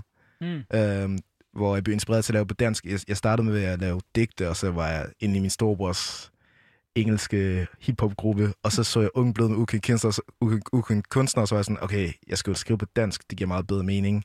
Så mødte jeg Rune, og så resten af historie. Altså, så, så startede vi i Stigma, og så kørte det derudad. Hvad er det, vi skal lidt tilbage til, til følsom, fordi det er jo jer, I, vi har i studiet. Og øh, I fandt hinanden på en lidt sjov måde. Kan I ikke øh, snakke lidt om det? Det er øh, det, er det, det helt store, infamøse Instagram-crush. Ja. øh, Cute. Og jeg tror, jeg tror at der, er- der er mange, der har oplevet det, at man sådan, øh, går sådan og kigger lidt på hinanden, på hinandens profiler, og sådan, der er en eller anden vibe, eller andet ved feedet, der sådan gør, okay, det her det ser sejt ud, det er, det er noget, som også sådan, jeg, jeg godt på en eller anden måde kan relatere til, eller den her dude ser cool ud, eller hvad det nu måtte være. Det var så det, det var i det her. Øh, det her tilfælde, det var så sådan, vi havde gået og sådan kigget lidt på hinanden, og liket hinandens billeder, og, og så, øh, så skrev Emanuel en, øh, en kommentar på, øh, på et billede, jeg havde lagt op, hvor det var sådan noget, hvad var det, der stod? Ultraviolette følelser. sådan Ja, noget. ja. Hvad skrev, var kommentaren ultraviolette følelser? Ultraviolette Og så- Helt digter. Ja, og så en, en lille hjerte-emoji. Ja, ja, ja. Øhm, og så likede jeg den. Og så... Øh, Og så er jeg sådan, yes, nu kan jeg skrive. Ja. I love you. det var lidt sådan, øh, ja, er du single? Ja, præcis. og så slidede du in the Ja, DM, slidede i eller DM. også så gjorde jeg, det kan jeg ikke lige Jeg tror, det var men- mig. Okay, Ja. ja. men uanset hvad, så, øh, så udviklede det sig ligesom bare derfra. Så mødtes vi og øh, drak en kop kaffe sammen og sådan chillede. Vi tog ligesom det først, i stedet for at tage i studiet først, Ja. øh, som man jo typisk gør, fordi sådan, vi kunne mærke, at sådan, det kunne være nice at komme ind på hinanden personligt, inden vi går ind og sådan laver et eller andet kæmpe personligt værk. Mm. Eller sådan. Det er klart. Så ja, vi skulle lære hinanden at kende først, og det var Før man kunne være følsom. lige præcis. Ja. Lige præcis. Men hvad tænkte du, altså, med, lige pludselig så, så, var der, så var der en, der, der tog kontakt til dig? Jeg, jeg tænker, altså, du, du kendte ham lidt i for, hvordan var det, hvad- altså, Jamen, jeg vidste du, havde hvem jo- det var, da, da du Ja, ja, fordi Aarhus er ikke en stor by, Ah, okay. så jeg havde jo selvfølgelig set Emanuel øh, spille med Stigma nede på godsbanen til Aarhus Festuge way back. Så mega sej ud, performede mega sejt og gjorde noget, som... Der var bare noget der, hvor jeg var sådan, han er fandme, han er fandme syg. altså sådan, shit, jeg gad godt arbejde med ham. Og sådan. Så jeg havde, jeg havde helt sikkert set dig, og så havde jeg jo så bare ikke rykket på det, fordi det gør man så, man lidt spiller man ikke kostbar. ja. Jeg er også sej. ja. Ja. Men, men dreng, jeg skal lige høre, hvad sker der for den der første kop kaffe? Fordi at, er det ligesom... Nu siger du det her med, at I skulle lave noget, noget helt vildt personligt sammen, men var det ligesom fra starten af øh, planen, at de skulle blive til en duo, eller skulle det mere være sådan en øh, sanger-producer-forhold, eller sådan, hvordan, hvordan skete det, at I blev til, til følsom, den her enhed? Øhm, det var meget sådan, dengang mit band Stigma gik i opløsning, så var jeg sådan, okay, hvem er jeg, og hvad, hvordan skal min lyd være, og hvor skal man starte henne? Nu er jeg lige pludselig soloartist, så skal jeg sådan hive i rigtig mange forskellige producers og sådan noget. Um, og så skal jeg huske, det første, der kom til mig, at mit projekt skulle hedde, det var Følsom Fyr, eller Følsom Dreng, jeg kan ikke huske det. Mm. um, og så havde jeg en masse projekter, og så en masse sange, og så mødte jeg, så skrev jeg til Frederik, Øhm, og så fik vi en kop kaffe. Det var mega intimiderende. Mega, mega underligt i hiphop-verdenen, at du sådan, man starter med en kop kaffe hjemme ja. Kan lige se Lil Wayne og Ja. Snoop. Men det var mega hyggeligt. Vi spillede sange for hinanden. Jeg spillede mit, mit projekt, og Frederik han spillede beats. Huske, så sendte han mig hjem med en lektie. Altså, jeg fik Mm. mm. et beat med hjem. Nå. og så lavede vi faktisk vores første nummer. Sådan tre dage, fire dage efter. Mm. Og som vi så skrottede senere. Ja, der er kommet så mange demoer siden, så det var Ja, sådan... præcis. Men det var, ja, det var Hvad- sådan... Hvad lå bag den her kemi, der opstod så? Hvad, hvad var det, øh, for eksempel, Manuel, hvad, hvad kunne du godt lide ved Frederik? Det var- Jeg ved ikke, jeg synes, jeg synes Frederik var spændende. Og så øhm, var jeg bare ude og eksperimentere sindssygt meget, og jeg kunne høre på Frederiks lyd, at han eksper- eksperimenterede mega meget, og så var han bare en rar, dejlig fyr at være omkring. Det, var, det virkede så naturligt. Øhm, og så dengang øh, mit blod ligesom blev født, så var det meget sådan, jeg tror, vi var ude, ude i byen, og så var vi lidt fulde, og så var vi bare sådan, er vi ikke bare følsomme? Mm. We sensitive. Hvad, nu, nu vil jeg lige spørge om noget, fordi vi, vi er lidt i det her, som hvordan I har fundet hinanden, og, og det, Mm. var, det var Instagram. Øh, I dag har I lagt tre stories op af Frederik, der har fået nye sko. Hvad så? Altså, er det, ikke bare, er det ikke bare et par All-Stars? ja, det er et par Adidas Superstar. Nej, bare Deluxe. Adidas Superstar. Deluxe. Deluxe. Er det Deluxe? Ja, det er Deluxe. Ja. Øhm. Er det sådan noget, øh, karrierekanonen vinder at gøre? Så skal vi have et par superstars. Ja, superstar sko. Vi skulle have haft den liggende. Vi skulle have haft Christine Milton superstar liggende klar til at spille. Vi er så dumme, altså. Den må komme i høretelefoner, når du går ned igen. Ja, præcis. Hvad hedder det? Siden I udgav øh, Mit Blod, er der ikke kommet nyt? Øh, har I noget sådan med, eller at være... Uh, øhm, nej, vi har ikke taget noget med til i dag. Øhm, men øh, hvad hedder det? Vi er i gang med at lave en hel masse nye ting. Ja. Øhm, vildt meget. Vi har sådan lavet musik inden for de sidste halvandet år endnu, hvor vi har været formet, eller sådan et år. Jeg sådan tror, noget. snart et år, til september, så er det et år siden, vi ja. ligesom blev formet. Ja, så der er en masse musik, og vi sådan glæder os sygt meget til at komme ud med det. Men Ja. øh, vi skulle lige vinde den der karrierekanon først. Vi glæder os også til, at øh, Følsom kommer ud med mere musik, og øh, på YouTube, der kan man jo blandt andet se dem øh, optræde til Karrierekanonen, hvor at de blandt andet spiller det nummer, hvad hedder det, Ringer til nogen? Ringer til nogen og følsom. Ej, Ringer til nogen, det er sgu mit yndlingsfølsom nummer. Becca, det er ved at være øh, ved vejen til enden. Det ved at være vejen til. Og jeg hopper på ferie, motherfuckers. Ej, det er spændende. Så er det bare, altså, så er man garanteret at høre mig tre uger i streg i, min ra- i din radio. I, ja, Og radio. øh, vi får lidt gæstevagter og sådan noget. Det bliver skide, skide hyggeligt. Og øh, indtil da, så vil jeg sige tusind tak for i aften, og ønsker en god ferie, min skat. Tusind tak, min snuttegris. Nu er klokken 11, og vi skal høre nyheder.